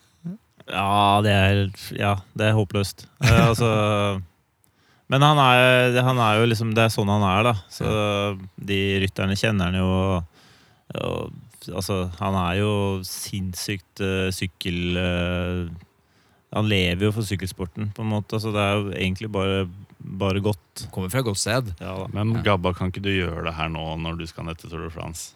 Når, det, når, når gutta gjør det bra, så bare du kjører ned en av gutta, så slipper du der kapteinsdiskusjonen, og så bare henger du ut av vinduet og bare 'Jeg har vunnet!' Ja. Ja, vi får se. Ja, og så eh, er det, er det litt uh, trøkk i hovedfeltet òg. Evans som tar, eh, tar den. Eh, han prøvde å ta noen sekunder, ser det som, men, men det blir vel samla nesten eh, inn til mål. No, noen splitter. Men eh, favorittene er med. Mm. Eh, etappe ni, det er da første tempo dette året. Så her, eh, her, skal, her skal Sky vise at de, eh, de er rå også- på tempo. Eh, Og her også kjører jo Froome en veldig god tempo. Altså sånn Vanvittig bra tempo. er jo nesten, altså Han er jo, kom, blir nummer to. Det er jo Wiggins som vinner, men det, han er jo kjempefavoritt. Cancellara på tredje, men Froome slår altså Cancellara. Det, var det overraskende liksom at Froome var så god på tempo også? Er litt usikker på, egentlig. Det husker jeg ikke noe særlig av. Så, men eh, ja, han, eh, han har jo vært god på tempo og har har jo vært det siden, liksom. Så eh, Og det har liksom kommet litt an på hvordan Tour de France eh, ser ut, egentlig. Hvordan man har forberedt seg, om, man, om tempo er veldig viktig eller ikke. Ja. Det er vel det som er eh, trikset hvis du skal vinne Tour de France. At du klarer å være skrapa tynn, men Ja. samtidig liksom ha nok trøkk i beina. da. Er ja, for dette er jo det Lance snakka om. og De hadde vel sånne forholdstall som de måtte være på. Altså Ja. Vekt versus force. Og Det er vel det som er hele. Men det gjelder vel alle? Er ikke det ikke bare sammenlagfavoritten? Gjelder ikke det liksom stort sett, Kanskje ikke akkurat kraftspurterne, men liksom de fleste som drar til Toren, vil jo ha mest mulig kraft eh, på færrest mulig kilo. Er ikke det litt sånn Jo da, det er jo eh, altså, de, de, har jo et vektmål, eh, et fettprosentmål, eh, som de skal være på starten. Så mm, Ja, og det er jo Det er jo vanvittig, liksom. Det er jo Du føler deg feit som en julegris når du kommer inn eh, i Tour de France. eh. Relativt. Altså De overarmene dine, Gabba, de ler jo folk av. For Ja. uh, Froome sine er jo Han har jo tynnere overarmer enn underarmer. Det er ganske fascinerende. Ja, det er det. Men, men, men for dette her Du er jo muskuløs. Ja, Når man først er inne på det, Gabba, for dette her er jo, det har vært veldig mye i, i, i, i diskusjon i media, spesielt i forbindelse med det, det, det skilandslaget og med hun Flugstad Østberg som ble nekta start og sånn. Og dette med denne vektdiskusjonen. Og så merker jeg at jeg tar meg og tenker, og det er litt politisk ukorrekt, men, men det er sånn, selvfølgelig. Selvfølgelig er det opptatt av vekt. Det har masse å si. Hvis du kan opprettholde samme kraft og veie mindre, men da vil du slå de andre. Det gjelder i stort sett all utholdenhetsidrett. Det er jo ikke sånn at maratonløpere ikke er opptatt av vekta si. Det er jo det eneste de bryr seg om. Og selvfølgelig å ha høyt OT-opptak og være i god form. Ja da, helt klart. Det, det, som, det som er trikset, er jo, det er jo um, eh, undervisning. At man lærer hvordan man skal gjøre det, og at man snakker om det. At det er en naturlig ting av det å være idrettsutøver å snakke om det og ha et helt åpent forhold til det, tror jeg er veldig viktig. Eh, at man ikke skal føle at det, du må gå på vekta hver morgen og hver kveld, liksom, men at det på en måte er en naturlig ting, og at man gjør det riktig og er åpen om det og spiser de riktige tinga og, og kunnskap om å eh, tyne kroppen til eh, sitt beste, liksom. Det er eh, med en gang man ikke snakker om det, og at man bare skal bli veldig tynn og eh, står over eh, måltid, ikke gjør det på riktig måte. Altså Her snakker vi om eh, kanskje Egan Bernal nå er halv kilo over turvekt. Liksom. Han bruker jo da tre uker på å gå ned den siste halvkiloen, så det, det er ikke det er det som er eh, det som er hele clouet her, at man snakker om det og åpen om det. At det er et naturlig forhold til det å være idrettsutøver i de idrettene det er viktig. da. Eh, Hvordan gjør man det med unge rytter? For jeg vil jo tro at uh, som du sier, at man blir profesjonalisert tidligere og tidligere, og det ser vi også i Norge. Og det er jo det, måte, det er jo synd å si, men det er jo det samme, det er de samme parameterne, bare at det er kropper i utvikling. Altså de, det, det, kan være at unge utøvere, bare gjetter jeg, at de hadde hatt godt av å kanskje ikke være best når de er 16 år, eller 17 år, 18 år, eh, men, men jobbe opp motor, jobbe på riktig måte og være litt tyngre og, og, og, og spise friere. Og så heller når de blir eldre, eh, gjøre om og kutte de siste kiloene.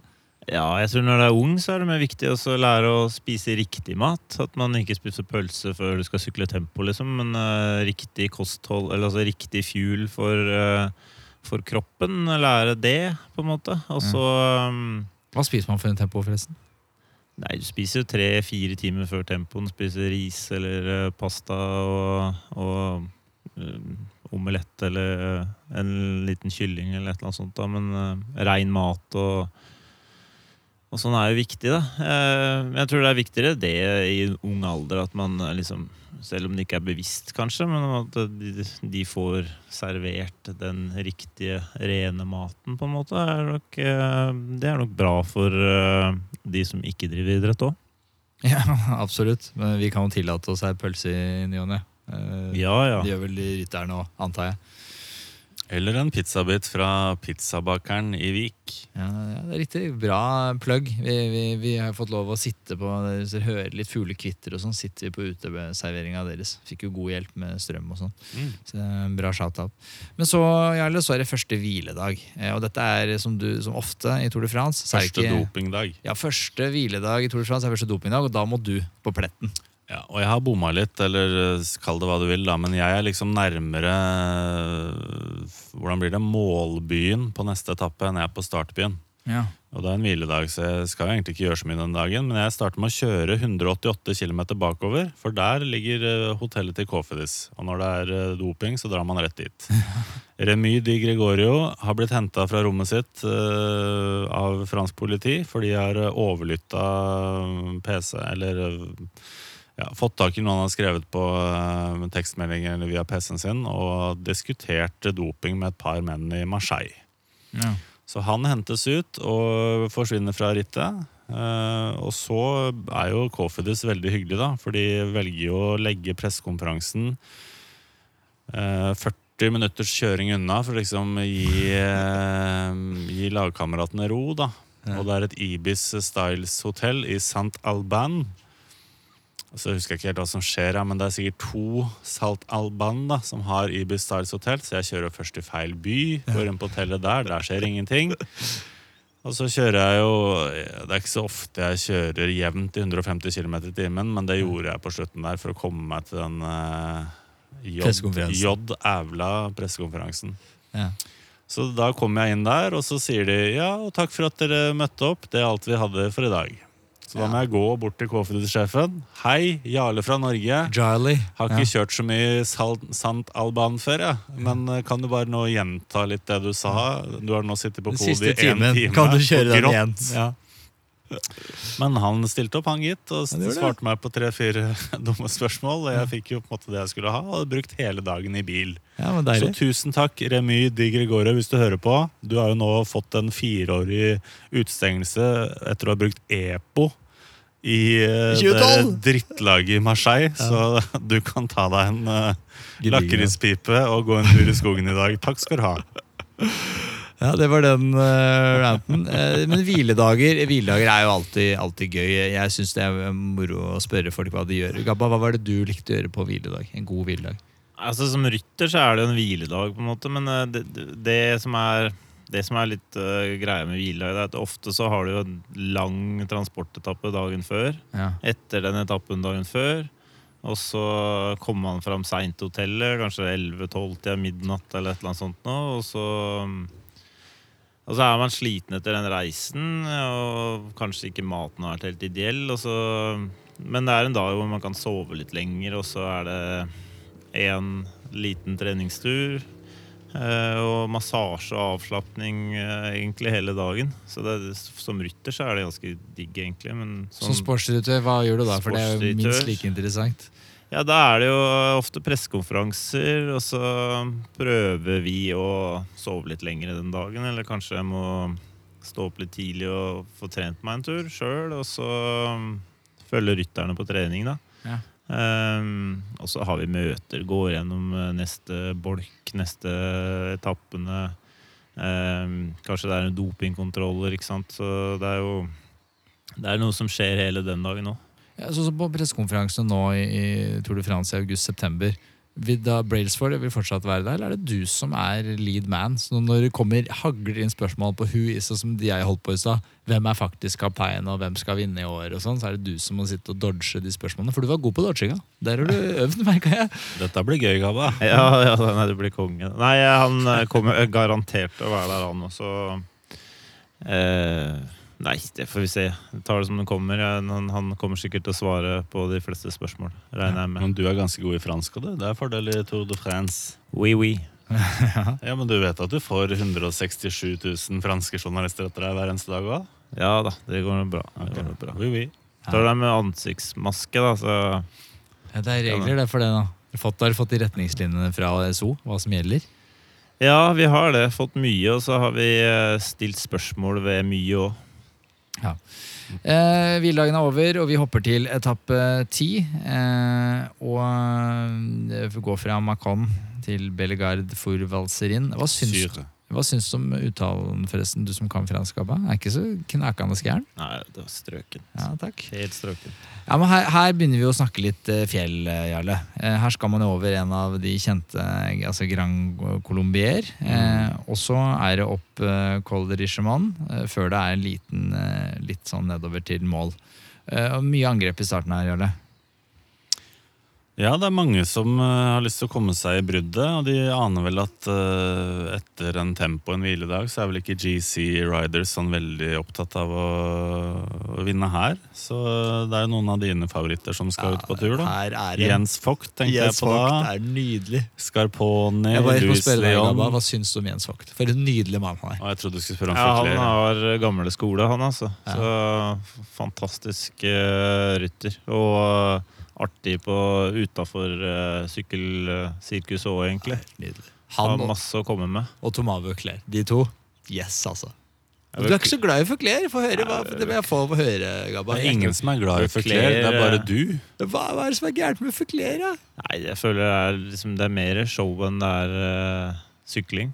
Og det er det. Eller, og det liksom tunga ut av munnen og den stilen og sånn. Det, Det er det ikke- som er så rart er med deg, greie, Hanso, er at du klarer jo ikke Ked Elevens, for han er så uryddig på sykkelen, og så elsker du Føkler. Altså, han bruker jo hele veien som uh, lerretet sitt og bare maler med den tunga si. Men det Altså, er to forskjellige Altså, oppgaver. fransk Nå- For å dokkemann. komme, komme tilbake til Birger Hungerholt. da, så når jeg uh, begynte å sykle, så fikk du jo piskeslag hvis du nikka på huet mens du sykla. Alle, skulle- kalori, liksom? alle skulle sitte som en prest på sykkelen, liksom. Helt stille med overkroppen. Nei, nei, nei. Så det Han er så nydelig. Han er så show, han er så nydelig. Ok, ja, men Det er et brudd, som du sier. Og så er Lu- Luis Leon Sanchez eh, er jo også et brudd. Han også er en sånn ordentlig bruddgeit. Um, øh, det er Føkler som kommer først over Gran Colombier. eh, Og han tar jo klatretrøya det her på den tappen her. Uh, og så mot slutten så viser han at uh, Føkler er Føkler. da. Det er bare å passe seg. Her er han. Vi er i Frankrike, så han slår Scarponi og Jens Vogt på slutten. Um, og det skal vi nevnes at Fox kjører jo enormt imponerende ned fra toppen. For han lå jo langt bak, så han har jo vært ordentlig shut up legs nedover der. Og bare shut up head, sannsynligvis òg. Men klarer ikke å ta igjen for Vi skal jo mot Alpene, og det er det disse gutta skjønner. Sky har ikke fokus her, de har fokus på etappe 11. Ja. Så nå kan vi få til noe. Ja, og etappe 11 eh, går fra Albavir til Les Subel. Eh, ganske kort etappe, eh, men det er nok av eh, stigninger de skal opp likevel. Eh, og her er det bakketopp-finish. Her også går det jo et gigantisk brudd. Europcar har to ryttere i bruddet. Kristoff Kern han husker jeg faktisk fra det. Husker du Kristoff Kern? Ja, jeg sykla på lag med han i Credit Auricol. Ja, han sykla jo steinbra det året her. Han var jo Mm. ganske gammel her òg, var han ikke det? I 2012. Ja, han, han var en skikkelig diesel. Ja, Han han, kunne gå i brudd øh, Hvis han først kom seg i bruddet, liksom, så var han skummel. Ja. Hvis det var en hard etappe, lang etappe, da. Eh, men han sitter og jobber er egentlig hjelperytter for Pierre Roland. Pierre Roland, hva, bare, hva, hva husker du av han da? Han også var jo sånn spådd å kunne bli den nye talentet. Egentlig før Thibaut Pinot Bardet, så var vel Roland det som skulle, han skulle vinne Tour de France? Var det ikke det? Det sier man om alle, da. Ja. Men han var ung og lovende. Ja, han var ung og lovende. Jeg er litt overraska at han ikke har blitt bedre, egentlig. Men øh, Mm. jeg tror kanskje han uh, Han stagnerte, på en måte. Han står stille i, i der han var. Uh, Så um, han har ikke tatt det ytterligere skrittet opp, liksom. Altså Han sykler med støttehjul på tempo, og det er jo dumt når du skal bli vinne Tour de France. Da bør du legge bort de. Eh, Det er jo lurt hvis du trenger de, da. Slipper å velte. Det er, og det er et godt poeng. Eh, Kesjakov er i bruddet, og han forsyner seg klatrepoeng. Og så tar han eh, tilbake trøya fra Frøkler. Eh, det skal jo vise at det er de to som skal slåss litt om den trøya. Dette er jo den store klatrefesten i Alpene. Eh, Col de la Madeleine, Croix de Fer, Col de Moulard, og så opp til La Toussuire til slutt. Uh, Men det blir drama blant favorittene her òg, Jarle. Ja, altså Sky har jo ganske god kontroll, da, og mm, Evans eh, er på offensiven først, på Croix de Fer. eh, Men når det skal avgjøres, så faller han av. Sky gjør det samme, setter et umenneskelig tempo. Lagtempo opp fjellsiden. Eh, Og på et punkt der så drar jo Froome så hardt at eh, kapteinen faller av. Det er bare Pinot som eh, piler opp den. Ja, for Her begynner man å se for alvor at det er kanskje litt gnisninger Ja, men jeg syns det er gøy å høre hva Gabba mener òg. Ja. Fordi eh, For det første, du skal vel ikke kjøre så hardt at du kjører av kapteinen. Men for det andre, holdt jeg på å si da, skal ikke gul trøye liksom kunne følge hjelperen sin? Jo da, men det er jo altså, det er jo et hårfint, uh, hårfin balanse, da. Uh, når det bare er Når det er så få igjen, liksom, og du skviser det siste lille ut. på en måte, Og Wiggins sin store styrke var jo å holde mm, et jevnt tempo uh, på et veldig høyt nivå, eh, sånn at de andre bare liksom datta etter hvert. Det var ikke noe støting eller noe sånt noe.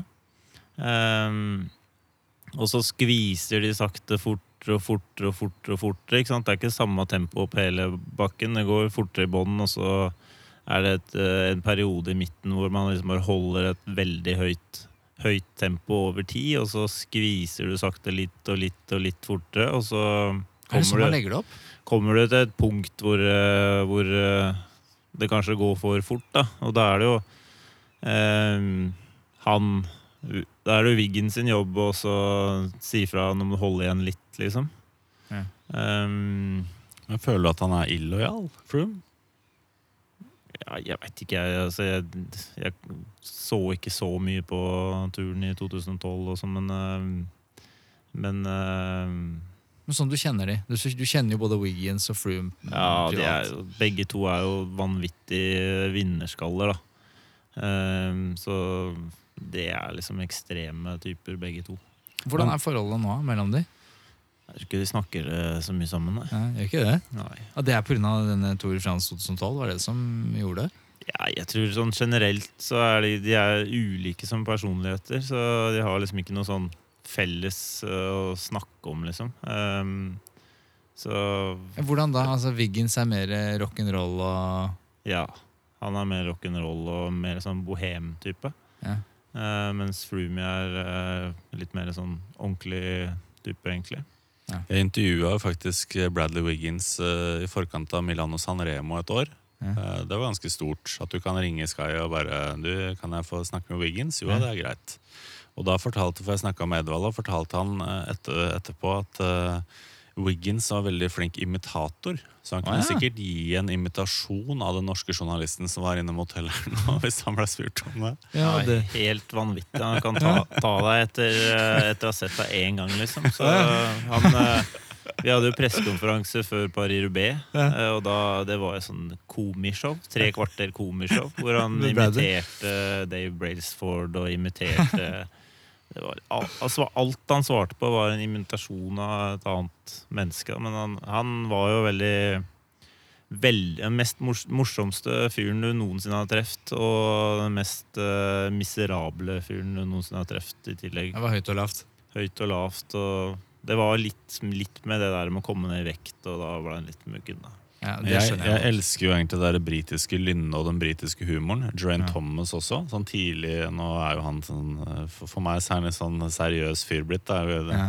Vunnet Tour de France men, Å, eh, men eh, tidligere veldig sånn flink til å fortelle historier og god humor og Ian Standard også. Altså mye, mye bra, fine britiske typer på det laget der, da, som sikkert har vært gøy å bli bedre kjent med også. Ja, det er veldig lett med humoren og sånn for, for oss eh, nordmenn eh, å, å snakke med briter. Det er mye, som, mye humoren som er veldig lik, faktisk.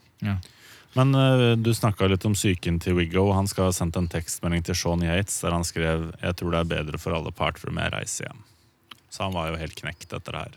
På her etter etappe 11, ja. Ja. Opplese Lesibel. Eh, Det er mytteri, tenker han, og forræderi. Og mm, hvis ikke jeg skal, skal gjøre jobben jeg har kommet hit for å gjøre, så drar jeg heller hjem, og så kan Chris Froome få skinne. Ja, for det er altså da Pierre Roland han vinner så er foran Thibaut Pinot og Chris Froome, som du sier, riktig nevner. det. Han stikker litt ifra. Og så er Wiggins Det er jo bare snakk om to sekunder, da. Men, men han, han, det er nok til å Føler begynne å seg furte. ydmyket på vei opp, eh, På vei opp fjellet der. Eh, Etappe tolv. Eh, mellomhard etappe. Eh, litt sånn tøffe fjell til å begynne med. Så går jo da et eh, stort eh, brudd. Eh, med blant annet David Miller og eh, han Perrault, som hadde gjort det så bra i 2011. Eh, vi hørte jo aldri noe fra han etter det. Men husker du han Jean-Christophe Perrault? Ja, jeg husker han. Sykla jo, sykla jo bra i 2011, og så borte ble han. Sagaen forsøker seg jo i bruddet, eh, men det gjør jo at, eh, at Orica setter opp eh, farta for å, med Matt Goss, for de vil jo ikke la Sagaen stikke og ta opp eh, poeng. Um, og så er det David Miller som gjør mesteparten av jobben i, i det bruddet. Og så vinner han fortjent da en spurt mot Perrault. Det må jo være en ganske grei skuring. Vinne spurt mot Perrault, det tror jeg jeg skulle klart hvis jeg hadde øvd litt. Han er seig. Han, han er seig og treig, ja. Vi kjører videre. Eh, vi kjører videre, ja. Etappe 13. Eh, ganske flat etappe, med unntak av en stupbratt tredjekategori mot slutten. Skal jeg ta navnene? Ta navnene på bruddet, du. Nei, jeg tenkte på etappe 13. Saint-Paul oh, ja. Trois Chateau til Le Cap d'Age. Hva skjer i Le Cap d'Age, Gabba? Jeg har ingen anelse. Der er det plass til omtrent alle naturister, som de kaller seg nå, i verden. Eh, Her er det verdens største naturistsenter med plass til 25 000 gjester. Ligger i denne byen. Og det gir litt sånn ekstra media-spin-off da når du eh, legger en Tour de France-avslutning til nakenbyen i Frankrike. Ja, det var Det der, det var der du hadde booka ferien i år, egentlig? Ja, og så kommer det noe med å gå med sånn maske både her og der pga. koronaen. Ja, det er dumt. Ja, du må maskere. Det meste. ja. Det blir ikke det samme. Du hadde hoppa på hviledag, du her. Ja, ja, ja. Ja, det ble dessverre ikke det. Nei, men eh, det, det blir jo ikke noe skikkelig action her før hovedfeltet kommer til Mont Saint-Clair. Det er det Evans. Som Evans har ikke gitt seg, altså. Han har, jo tatt litt tid, men han gir seg ikke. Eh, Van den Brøk prøver seg òg. Eh, slår sprekker i hovedfeltet. Eh, så er det ca. 25 ryttere som klarer å karre seg over. Deriblant Sagaen. Edvald er med. Og så er det sistemann som klarer å krype seg med. André Greipel. Cav faller jo av. Eh, og så blir det høyt, holdt høyt tempo, for man vil jo ikke ha med seg Cav opp. Og så begynner her, så får vi sett noe gøy. Jeg synes det er alltid så gøy når gul trøye kjører opptrekk. Ja, men han er jo ferdig, han vil jo hjem. Han synes ikke det var noe koselig. Jeg kan like gjerne kjøre opptrekk. Alle, ingen hører på meg. Så Bradley Wiggins kjører opptrekk for Edvald. Eh, og her tenker man at her, her nå, nå blir det, nå blir det Edvald som tar det. Men, eh, men dessverre. Greipel er jo så lynrask. Eh, og tar det foran Sagaen, så blir Edvald igjen på tredjeplass. Jeg syns det er litt sånn trist at vi har så høye forventninger til seg norske. Altså Du taper en spurt mot Greipel og Sagaen, som er helt naturlig. Og så er det bare sånn uh, Edvald på tredje, dårlig, og gidder jeg ikke å se mer på Tour de France. Norske vinner aldri. Nei. Gabba, hjelp meg litt her, da. Ja, det er klart det er, det er, Han er jo så nære, på en måte, så det er vel eh, litt det man eh, Derfor, da. Ja. Nei, Det blir ingen endringer i sammendraget. eh, og Sagaen sikrer seg jo egentlig grønn trøye her. og Den har han jo hatt på seg siden. Blir han, Sagaen skal ikke sykle Tour de France i år. Hva, er det for noe? Bare hvis vi har nevnende Sagaen. Hvorfor i all verden Han skal må han må jo bli motivert, han også. Han har jo vunnet VM tre år på rad. Han vunnet 14 grønne trøyer. Han har vunnet klassikerne 1112 ganger. Han må finne nye ting. Han må holde seg motivert. Ja, Han han må må- gjøre nye ting.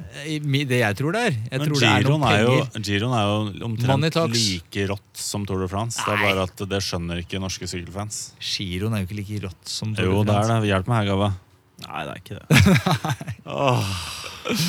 Ok, Folkets mann Gabriel Rask fra Vik i Hole kommune. Etappe 14 går fra Limois, Limois til Foix. Eh, Limo. Til Foix. Ja. Eh, pardon. Eh, Hvem vant i FOA, Gabba? Jeg veit ikke.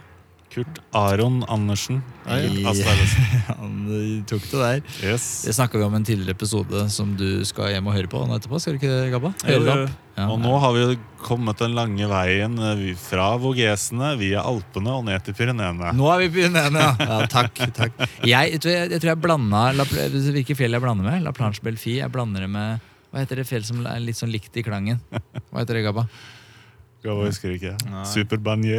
Nei, nei, det er ikke det. Super Best. Samme det. Nå er vi Pyreneer. Eh, her går et brudd med Sagaen. Han skal ta klatre på, nei, spurtpoeng, han. Eh, Leon Sanchez er jo selvfølgelig i, i bruddet. Plateau de Bell. Eh, Plateau de Bell!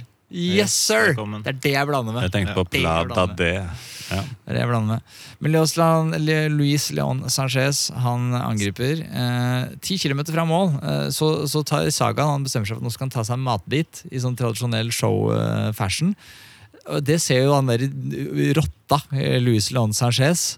Eh, han ser jo det, og så han tenker at nå er det bare å angripe. Kan jeg bare si at han heter Sanchez. Sanchez.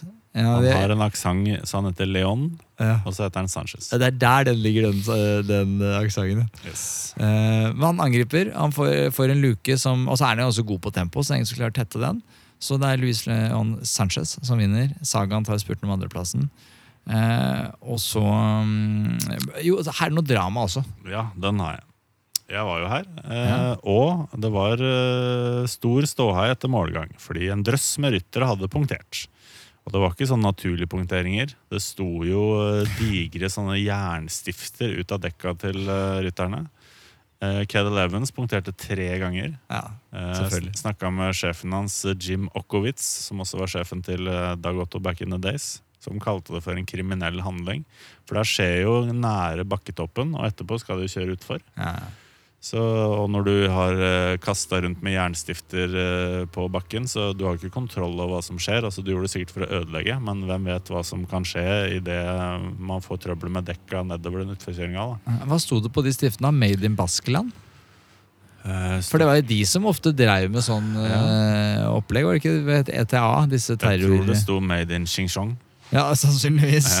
Men, men er det baskerne som har vært eh, frampå, Gabba? De var jo Nei, jeg liksom tror ikke jeg tror Baskerne elsker jo sykkelsport. Så, og de er liksom De elsker sykkelsport. generelt. De elsker jo baskerne mest, men eh, de er liksom sykkelgale, så jeg, altså, Men det er jo enkelt Det er nok at én person eh, er idiot, da. En annen historie her med Rolla, som vi snakka om i stad. Han velger jo å angripe han, da, mens Evans og en del andre er eh, sjakkmatt. Så jeg. eh, Richie Port roper liksom 'slapp av', liksom. Ja. Og Wig Wiggins er nødt til å liksom kjøre opp til ham og si du, du stopper her, liksom, Ja. i gul trøye. Så han ble ikke mer populær den dagen. Nei, selvfølgelig ikke. Selvfølgelig ikke. Uh, etappe 15, eh, målganger på. Jeg har jo hatt, Ja. blitt kritisert at jeg sånn ca. fem podkaster på rappen har kalt det Pau. Eh, Så det, sånn er det i denne redaksjonen, da, Gabba. Sånn er det når du jobber med nerds. Ja, sånn er det. Men dette er en semikupert etappe. Uh, dette er kjedelig etappe. Det er brudd. Det er bare gå brudd. Uh, Føkler er jo selvfølgelig der, så litt gøy er det jo. Litt sånn å feire er det jo selvfølgelig. Noe det er jo vits verdt å se det på TV. Fedrigo, Perik Fedrigo, som har en tendens til å ta med seg en etappe i Tour de France. Han angriper han nærmer seg mål, og holder unna for han derre gamle Christian van de Velde. Visste man at van de Velde også hadde vært og prata med, med han derre Travis Tigert på den tida her? Mm. Ja, ja, ja. Eh, og så er det, blir det spurt i hovedfeltet som Greipel tar. Jeg skal bare si en ting her, og det er at eh, selv om Sky eh, går på rosa skyer, så er Cavendish forbanna.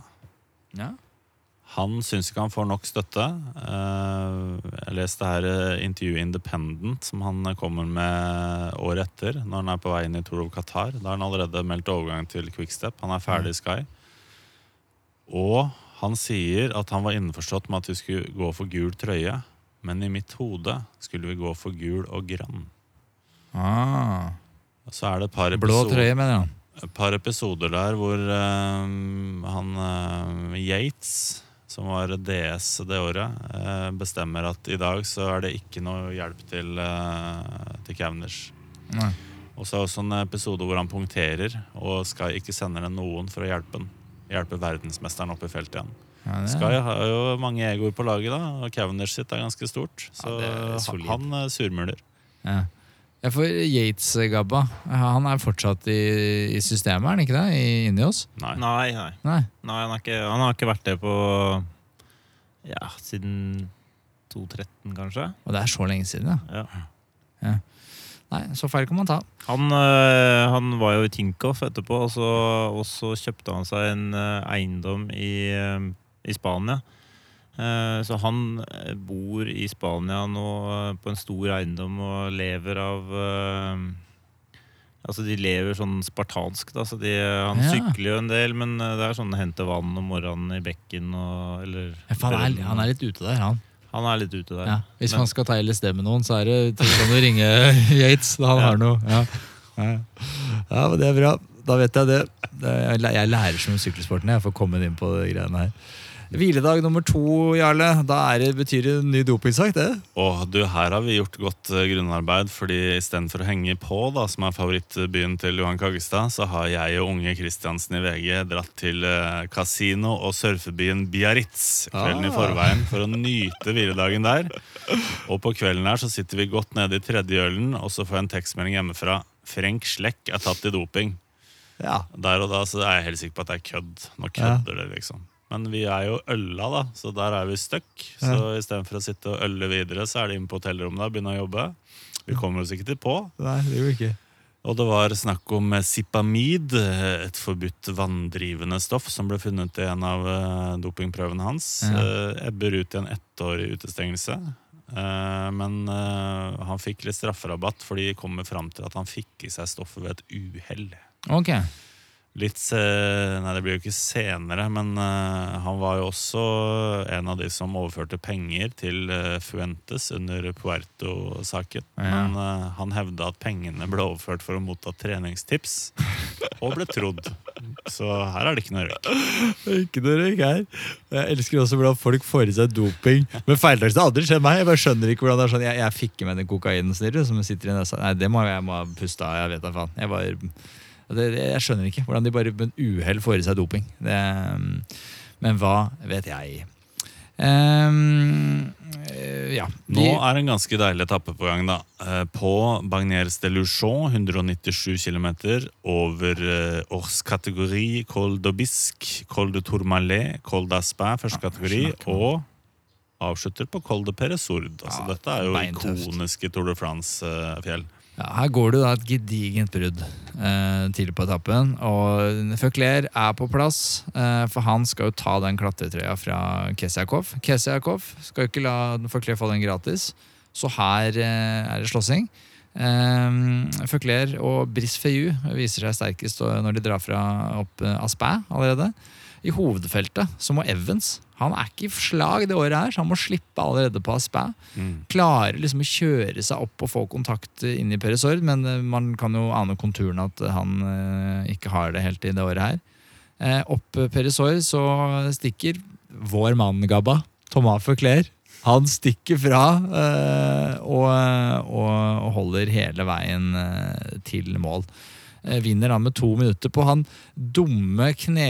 Han som sykla med knærne så vidt ut. Chris Anke Sørensen. Overclear. Feuclair er jo lekker på sykkelen. Mm. Eh, Chris Anker Sørensen er jo stilig sammenligna med fugler. ja.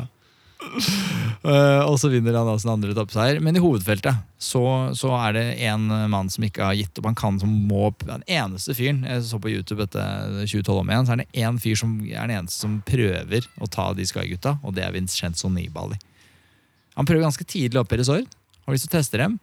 Men eh, de Sky holder på som de alltid gjør. De, de bare kjører på i jevnt tempo. for- Forholder seg ikke til noen. De ser rett ned i wattmåleren og sykler. Og hvorfor de gjør dere fortsatt? Gjør dere ikke det, Gabba?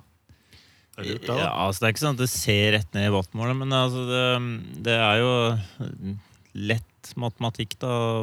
Altså, du skal sykle fortest fra A til B, liksom. Ja. Og da veit man jo limiten sin sjøl, og hvis du går over den, så betaler du eh, høy pris etterpå. Så da vet man jo på en måte at eh, det er så fort man kan sykle, og, og for å bruke kortest mulig tid, så er det bare snakk om tid før man ser Nibali igjen, da. Ja. Men Forretningsmannen i meg er jo enig, men liksom sykkelfansen i meg liksom, Pantani og Contador og, og Føkler som bare De faen. De har, jeg vet ikke om de har wattmåler engang. De har ikke puls. De må gi faen. De sykler på følelse. Så går det til helvete da iblant, men når de lykkes, så er det så vakkert. Ja, ja. Men, men jeg skjønner at øh, som sportsdirektør så hadde jeg nok vært langt mer kynisk. Jeg, hadde, jeg tror ikke jeg hadde hatt Føkler på laget mitt. Det hadde ikke orka. Jeg blir bare fjas. Men det er veldig gøy å se, se når han vinner. Men øh, de, Nibali klarer ikke å ta noe tid, så de, de kommer vel inn uh, sammen. Evans uh, sprekker jo fullstendig og taper nesten fem minutter. Så snakkast han er ute av uh, toren i 2012. Ja, Han ligger nå åtte minutter bak på sjuendeplass. Uh, Wiggo Haugurt to minutter og fem sekunder foran Froomey. 2.23 til Nibali. Så fjerdemann Fannen Broch. Femtemann Subeldia. Sjettemann TJ van Garderen. Så ja. Subeldia, jeg bare må ha nevnt han. Han, er, han har sykla, han har vært topp fem i Tour de France, iallfall topp ti, siden 2000. Han, han er sykler han fortsatt, eller? Han er i hvert fall et navn som man uh, husker godt. Ja. Hvorfor ble han aldri kaptein? Jeg spurte vel Kurt om det. Men hvorfor, han burde jo vært kaptein på et eller annet tidspunkt. Du fikk jo godt svar, da. Ja, Med penger som hjelperytter? Ja, men at du får ganske bra betalt for å være en viktig hjelper, da. Og det er jo ikke alle som passer til å være kaptein. Eller? Du som er i dette vi, vi hopper litt er digresjoner er, ønskes velkommen til dette, denne podkasten. Men, men, lønn. Altså Hvis jeg nå hadde vært Jeg hadde vært beskytta hjelperytter inni oss, altså sånn type ja, Nå har, vi, har dere jo Karapass. bare kapteiner. Ja, dere har bare kapteiner. Men hva, hva, hva, kan jeg tjene hvis jeg var type Subeldia? da? Eller, eller Mick Rogers, når han kjørte i Sky? liksom? Nei, Hvis du er en sånn god high mountain-hjelperytter, liksom, den siste, sånn som Richie Port eller Richie Port, ja. den gjengen der, så snakker vi nok en uh, 20 millioner kroner, kanskje. Ja, det er, det er greit, det. Det er fint, det. det er, jeg vil også si at Sky er jo fantastiske til å utvikle talent. da. Altså Nå steiler jo Norge fordi det ikke funka med Edvald, men altså Froomy Jeg vil også si Wiggins, uh, Port altså det, er jo ikke, det var jo ikke ferdig vare, ferdig pakke. De, de ble gjort ekstremt gode i, i Sky-systemet fordi uh, det var mye penger, mye ressurser, selvfølgelig, men de gjorde også veldig mye riktige grep med det. da. Helt klart, men det er jo det, det og det er jo det, men den, altså jeg, jeg, jeg, mener jo at jeg syns det er gøy med Føkler, men, men liksom jeg skjønner jo business-caset i å jobbe kynisk og jakte marginer, og det, det Sky har gjort nå, er vel mange lag som begynner å ta litt etter. da. Men det mindsettet har jo endra sykkelsporten. Det er vel derfor det er eh, unge folk som gjør det bedre og bedre. At de adapterer og inspirerer av, den måten å tenke på. Og nå begynner Norge å gjøre det bra. da. Vi må ikke si Tobias Foss, liksom. Sykler nå. Eh, kom ut. Procycling, som skriver. Eh, dritmoro. Men han, også, han, går den lange veien. da. Det er mye lettere å være en spurter eller klassikerrytter og få oppleve resultater tidlig i karrieren. Det, altså, Tobias Foss kan vinne sitt første løp når han er 29. liksom. Ja. Så det er veldig lenge til han uh, i så fall er der han skal være hvis han skal bli en GC-rider. Og det er veldig mange som ikke orker den lange distansen der. Jeg, jeg, Tobias Foss, jeg heier så innmari på han. Han, har, han kan jo vinne før det. Han er jo så god på tempo. Og Tror du ikke det, er veldig, det er veldig morsomt med de, der, eh, de uh, yngre norske der som er gode til å klatre. Så se, følge dem nå framover. Og se hvor gode de kan bli. For vi har ikke hatt noen sånne typer. Kan ikke du hente noen av de til inni oss? Få de på beste skolene i verden? Jo da. Eh, både Foss og Leknessund hadde vært interessante. Ja, ja kanskje, vi, kanskje de, de kommer, si. Ja, men det er, jo, det er jo ikke noe overgangsvinduer i sykkel, så de kan jo sykle på Jumbo Visma et år eller to først. Ja, ja. ja. Mm. Ok, etappe 17. Vi skal tilbake i 2012. Eh, siste fjelletappen det året her. Bakketopp finish. Eh, skal man tykte Sky, så er det jo her man må gjøre det. Ulike angrep allerede første stigningen. Men det er jo Fekler og Kesiakov som går først over. De konkurrerer jo i sin klatrekonkurranse. Nibali han bruker muligheten, og det skal faen meg ha Nibali. Han også har liksom eh, Han sykler med han, har, han, han, tar sjansene. Han er ikke en feiging. Så han angriper utfor. Han vet han er god. Mm. Eh, Valverde sitter, sitter, i bruddet som etablerer seg med Nibali. Og så, og så sier Valverde helt ærlig Nibali nå, nå jager jo hovedfeltet bak fordi du sitter her. Nå må du, nå må du, Og Valverde har så respekt! Så når han sier til Nibali du ned med deg, så respekterer Nibali det. Så han bremser opp, han. Så vinker han og shaker hands med Valverde, og så venter han på hovedfeltet. Er ikke det sjukt at man har en så liksom Valverde han bare kan gjøre som han vil. Er det noen som har det, da? Andre har det ikke. Ja. Husker, husker du det her, Gabba? Nei, Jeg husker det ikke, men Valverde er jo helt vanvittig syklist. da. Han, uh, han kan jo alt. Kan spurte, ja. kan klatre, kan tempo, kan uh, Kjefte på folk. Kjeft på folk. Altså er han en utrolig kul type. Han lever jo for sykkel, han elsker å sykle, rett og slett. Så liksom, eh, når, han, når han var borte de to åra, så, så, trente han jo 30 000 km allikevel, liksom. Ja, ja. Det er jo en uh, heftig etappe. Det er jo fem kategoriserte stigninger. Uh, vi må jo bare innrømme at uh, GC er jo avgjort. Eh, Ja. Altså Det blir Wiggo, og hvis, hvis han velter ut, da, så har du fortsatt Froome der, så de har jo veldig god kontroll. Så det som skjer her nå, er jo kamp om klatretrøya. Det er jo trøstepris, eh, men mange har hevet seg på, for de skjønner at de får ikke noe igjen for å eh, utfordre Sky. Og så er det en litt interessant del av rittet hvor du begynner å forsvare sammenlagtplasseringene dine. Og Nibali er jo veldig frisk her. Eh, Han er jo på podus, så han trenger ikke å ta så mye sjanser, men det velger han faktisk å gjøre. Ja, jeg elsker det. Og så må jeg nevne Boasson Hagen. Fantastisk jobb for Froomey og Wiggins. Eh, Sitter i gruppa med sammenlagtfavoritter helt inntil foten av Peira Gudes, Ja, som er steingod. Siste fjellet på etappen. Så han, eh, han fikk praise i etterkant, for å si det sånn, fra Ja. kapteinene sine. Og så er det også etappen hvor Chris Anker Sørensen får en avis inn i forhjulet sitt og fikk et Ja, dypt kutt i to fingre. Fullførte opp til Peregudes.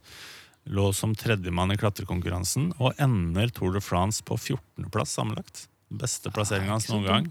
Veldig chapeau der, altså. Ja, det er chapeau. Skal han ha. Og med de knæra. Han tok jo så mye vind. Han tok jo, sanka jo inn hele veien. Han jo sanka vind i hele Frankrike. Han. Så det er imponerende. Er det ikke det Levi Leipheim-stilen?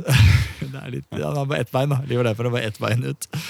Eh, Valverde vinner etappen, og det er imponerende. Valverde, vi, Han må hylles, han òg, men eh, han sykler jo brudd nesten hele dagen og vinner. Eh, men så er det hovedfeltet som kommer bak, og der er det faktisk Froome og Wiggen som bare stikker fra de andre. Bare, Nå er det kompiser igjen. ja, setter, setter spikeren i kista. Her er det vi som bestemmer. Vi sender en blomst til niendemann på etappen. Christopher Horner, som kommer inn ett minutt og to sekunder bak vinneren. Ja, det er uh, riktig. Det er type. Ja, type. Ja, type. Etappe 18, da er det de, de legger inn en sånn dum etappe. Hvorfor gjør de det alltid på etappe 18? Sånn etappe som ingen bryr seg om. Vi vil jo ha Nei, men jeg prøver å si det hver gang. Det er andre ryttere som her har muligheten til å få en etappeseier. Du Jo, kan ikke bare ha stupbratte fjell. Ja, det går i hvert fall er lang. eh, Og de skal forflytte seg rundt i hele Frankrike. De må komme seg videre. Ja. De kjører ikke metroen videre. Nei, det, det er jo, og det er jo miljøvennlig. Det er jo veldig bra. Vi går brudd tidlig. Edvald prøver seg det bruddet her. Han har fått litt fri tøyler nå som Sky. De er jo ikke, ikke redd noen. Eh, men, eh, men så henger ikke Edvald helt med i fronten av bruddet, så det gjør at Sky setter fart, for nå kan de kjøre for Cavendish. Så de setter folk foran. Uh, og så i finalen så er Cavendish ganske langt bak. Men så, det så jeg på YouTube i går der. Han har, han, her er han så vanvittig mye raskere enn alle andre. Han driver med en helt annen idrett. Det ser ut som de som de andre går i slow motion på oppløpet. liksom. Så han bare kommer fra ingensteds og vinner den etappen. Dritimponerende. Um, Rå kille, rå kille. Ja, rå. Jeg tror han satt og omtrent ba og tigga på bussen for å få gutta til å hjelpe ham på den etappen der. Ja, Men han fikk han fikk eh, medhold, da. Og så er det etappe 19. Her eh, siste tempoen. Og det er jo ikke så spennende lenger. Det blir på en måte bare hvor hvem er som kommer på andreplass. Eh, og det er Wiggen som vinner foran Froome. Han smadrer jo Froome her og viser egentlig at det er liksom Froome, artig at du er her, men, men tempo, det kan du ikke helt ennå. 50 km i snitt. Ja, det er helt spinnvilt. Eh, Over 53,5 km. Og han er jo også pole position for å ta tempogull i OL, selvfølgelig. ja, noe han gjør eh, siden. Så da blir sammendraget til slutt blir Bradley Wiggins foran Chris Froome og Nibali på tredje. Um, og så er det da etapp... Også en mann som du har mobba tidligere, Janusz Brajkovic. Ni i sammendraget. Ja, det er, jeg er ikke mobba han. Jeg bare, det, er, det ryker jo så mye rundt den. Det er så mye røyk. Og han, øh, men, øh, men det er imponerende. Det er imponerende. Niende i Tour de France, det, det får jeg greit. Etappe 20, siste etappe inn til Champs-Élysées. øh, og her blir det som det skal bli på Champs-Élysées. Massespurt. Og så viser Cav igjen at han er verdens desidert raskeste spurter. Kanskje tidenes raskeste spurter. Vinner sin fjerde strake seier på Champs-Élysées. Det det er ganske det? Ja, det er det. altså Champs-Élysées er er er jo en lett etappe, liksom, men det er- jo en av de gjeveste likevel. Ja. Siste etappen eh, opp Champs-Élysées er jo liksom den alle spurterne ser etter å vinne.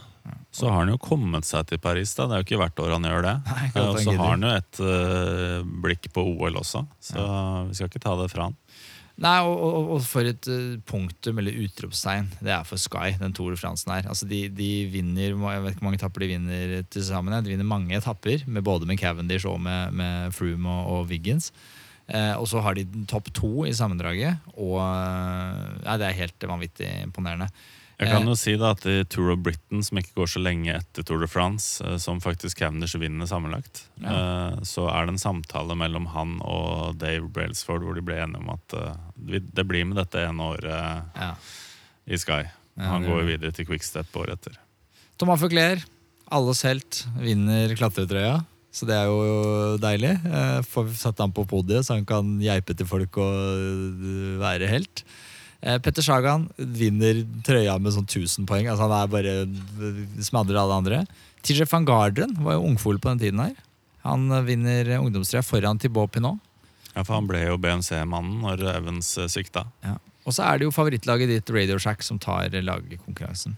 Det er vel eh, USAs svar på Elkjøp, egentlig. Ja, det er vel noe sånt. Eh, Men det var dette var, er jo, var en kul eh, Tour de France. Hva var sånn avslutningsvis? Hvor vil det 2012 Det betyr jo litt for Ineos, eh, Gabba. Det var jo på en måte året where it all began.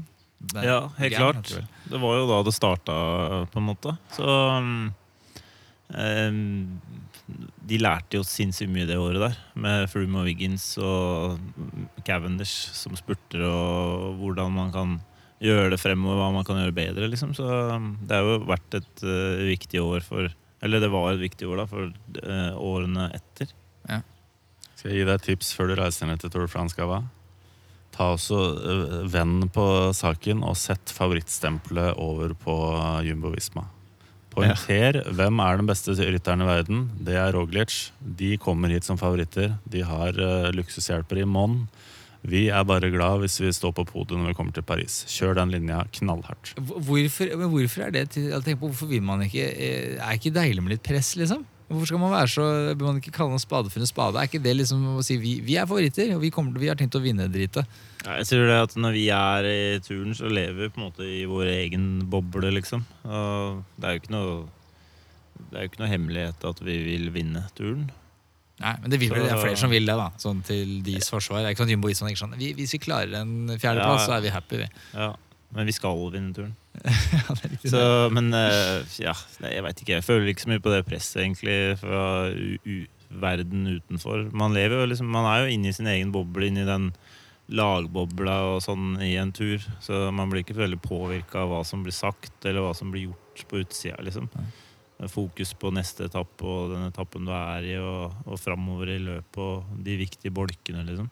Jeg merker Du har jo en, en veldig ideell energi for å, å håndtere press. Fordi jeg hadde jo vært på tuppa og løpt rundt og vært gira. Du er jo, du holder deg lung, og du, det er liksom litt press, og det er noe mas og det er noe spørsmål. Og dette får vi ta. Og det tror jeg, jeg, tror det er, jeg skjønner at du er Jeg skjønner at de vil ha deg som boss i Tour de France. Jeg tror det er et klokt valg. Her klarte man jo I 2012 klarte man jo å ha to, eh, altså første- og andreplassen. Jeg, jeg antar at det er jo feigt hvis ikke målet til Ineos er å ha den topp tre i Tour de France. Ta he, bare ball, ta pallen, kle den i røde Ineos-farger. Ja, det hadde vært morsomt, det. Men det, altså, det er jo det er vinne som betyr noe. Ja. Så um, jeg ofrer ikke eh, seieren for å få to på podiet, liksom. Nei. Så det er det viktigste. Jeg tror Froome tar det. Jeg tror, jeg tror du veit det. Nei, det blir spennende å se. Men, men jeg, Bernal skal ikke være med på testen på Tenerife. Så øh, når Froome øh, tar, tar øh, Draint der og viser at han er bedre enn Draint, så er det fortsatt usikkerhet da, for deg, for bossen. Du vet ikke om hvem som er best av Froome og Bernal. Nei, så har vi jo da Vi har jo Kitani og Tulla og Dauphiné i august der, da. Så det er jo tre etappeløp. Og eh, hvis du ser på profilen på de løpa, og spesielt Dauphiné, liksom, det er jo søren meg eh, fire av fem etapper er jo mountain top Ja, det er. Så Det er det er knallhardt uh, Dauphiné i år, altså bare fem dager. Ja. Men, men det er en ting jeg ikke skjønner. Jeg bare, dette er jo mange ganger det er vinnerskaller. Og Bernal de går jo ut, og de er jo i media. Og hva, hva syns du om det? Når Froome sier at jeg må bytte lag, og, og, og vil han bytte han lag, forresten? Nei, han øh, gjør ikke det. Ikke? Um, så vidt jeg veit, så gjør han ikke det. Han kommer til å sykle videre i, i Ineos. uh, Jeg skal i hvert fall kjøre skal jo sykle Tour de France, da. skal i hvert fall kjøre Tour de France og det året her med oss. Ja, det, det har jeg jo skjønt, da. Så får vi se hva fremtiden bringer. Men uh, Hva han, tror du? um, Tror du han forsvinner? det er jo litt opp til han. Hva han vil sjøl. Ja. For det er jo Bernal, det er jo ingen tvil om at Bernal er fremtiden. Altså, Han er jo yngre og, og, og så videre. Penere. Ja, det er han også, faktisk. Ja, Bernal og Sivakov og Guggenhardt er jo fremtida. Tror du ikke Duraint og Froome stikker til samme lag? Nei. Det er ikke så teit. Er du redd for å få wagsen etter deg? Er det ikke det de kaller det, disse konene? Altså, Er ikke hun ganske spydig, hun kona til Froome Eh, hun er jo eh, litt frampå. Det var stygt, det. var stygt å si spydig, da. Men, eh, Ja, hun er ute, er og- ute og forsvarer ektemannen sin. Ja, hun har sin egen Twitter-konto. Ja. Ja, ja, men det, det kan jo kvinner ha i 2020. Ja, de altså. kan det, ja! Okay. Ja! Men det er ikke alle som gjør så mye støy fra seg som henne. Et siste personlig spørsmål til deg, Gabba, fra meg. Hva er eh, ørretrekorden din i Tyrifjorden med Dorg? Nei, altså, det er jo ikke så mye ørret uti her, egentlig, da. Ehm, det er jo litt i. Det er jo litt i Tyrifjorden, men uh, i Steinsfjorden så er det mest uh, abbor og gjedde, da. Så um, fiska mye abbor. Mm. Uh, massevis av abbor, men de er ikke store. Gjedder, så eh, Jeg pleier å dra med en kompis ut på høsten hvert år og fiske gjedde i hvert fall én dag. Og da som regel så får vi opp en sånn mellom åtte og ti kilos eh, sak. Salvadores. Ja, ja. Som dere skjønner, Jarle har lagt om eh, fokus nå. Det er fiske som gjelder. Nå Han skal drar vi bli til igjen. Eggedøla, Han skal folkens. bli igjen Takk til Hans Petter Nyhus for Ja. en nydelig presentasjon via Ja. Teams. Let's go! Ja, ja, så Han skal ut og fiske. Så Tusen takk for at du gadd å møte oss. Du er jo Bare hyggelig. kjempehektisk. Telefonen har ringt sikkert ti ganger mens du satt der. Eh, så- Han har gått, han så. Han har gått. Ja, han er ferdig. Han er borte. Ha det fint. Eh, ta- ha det fint. Takk.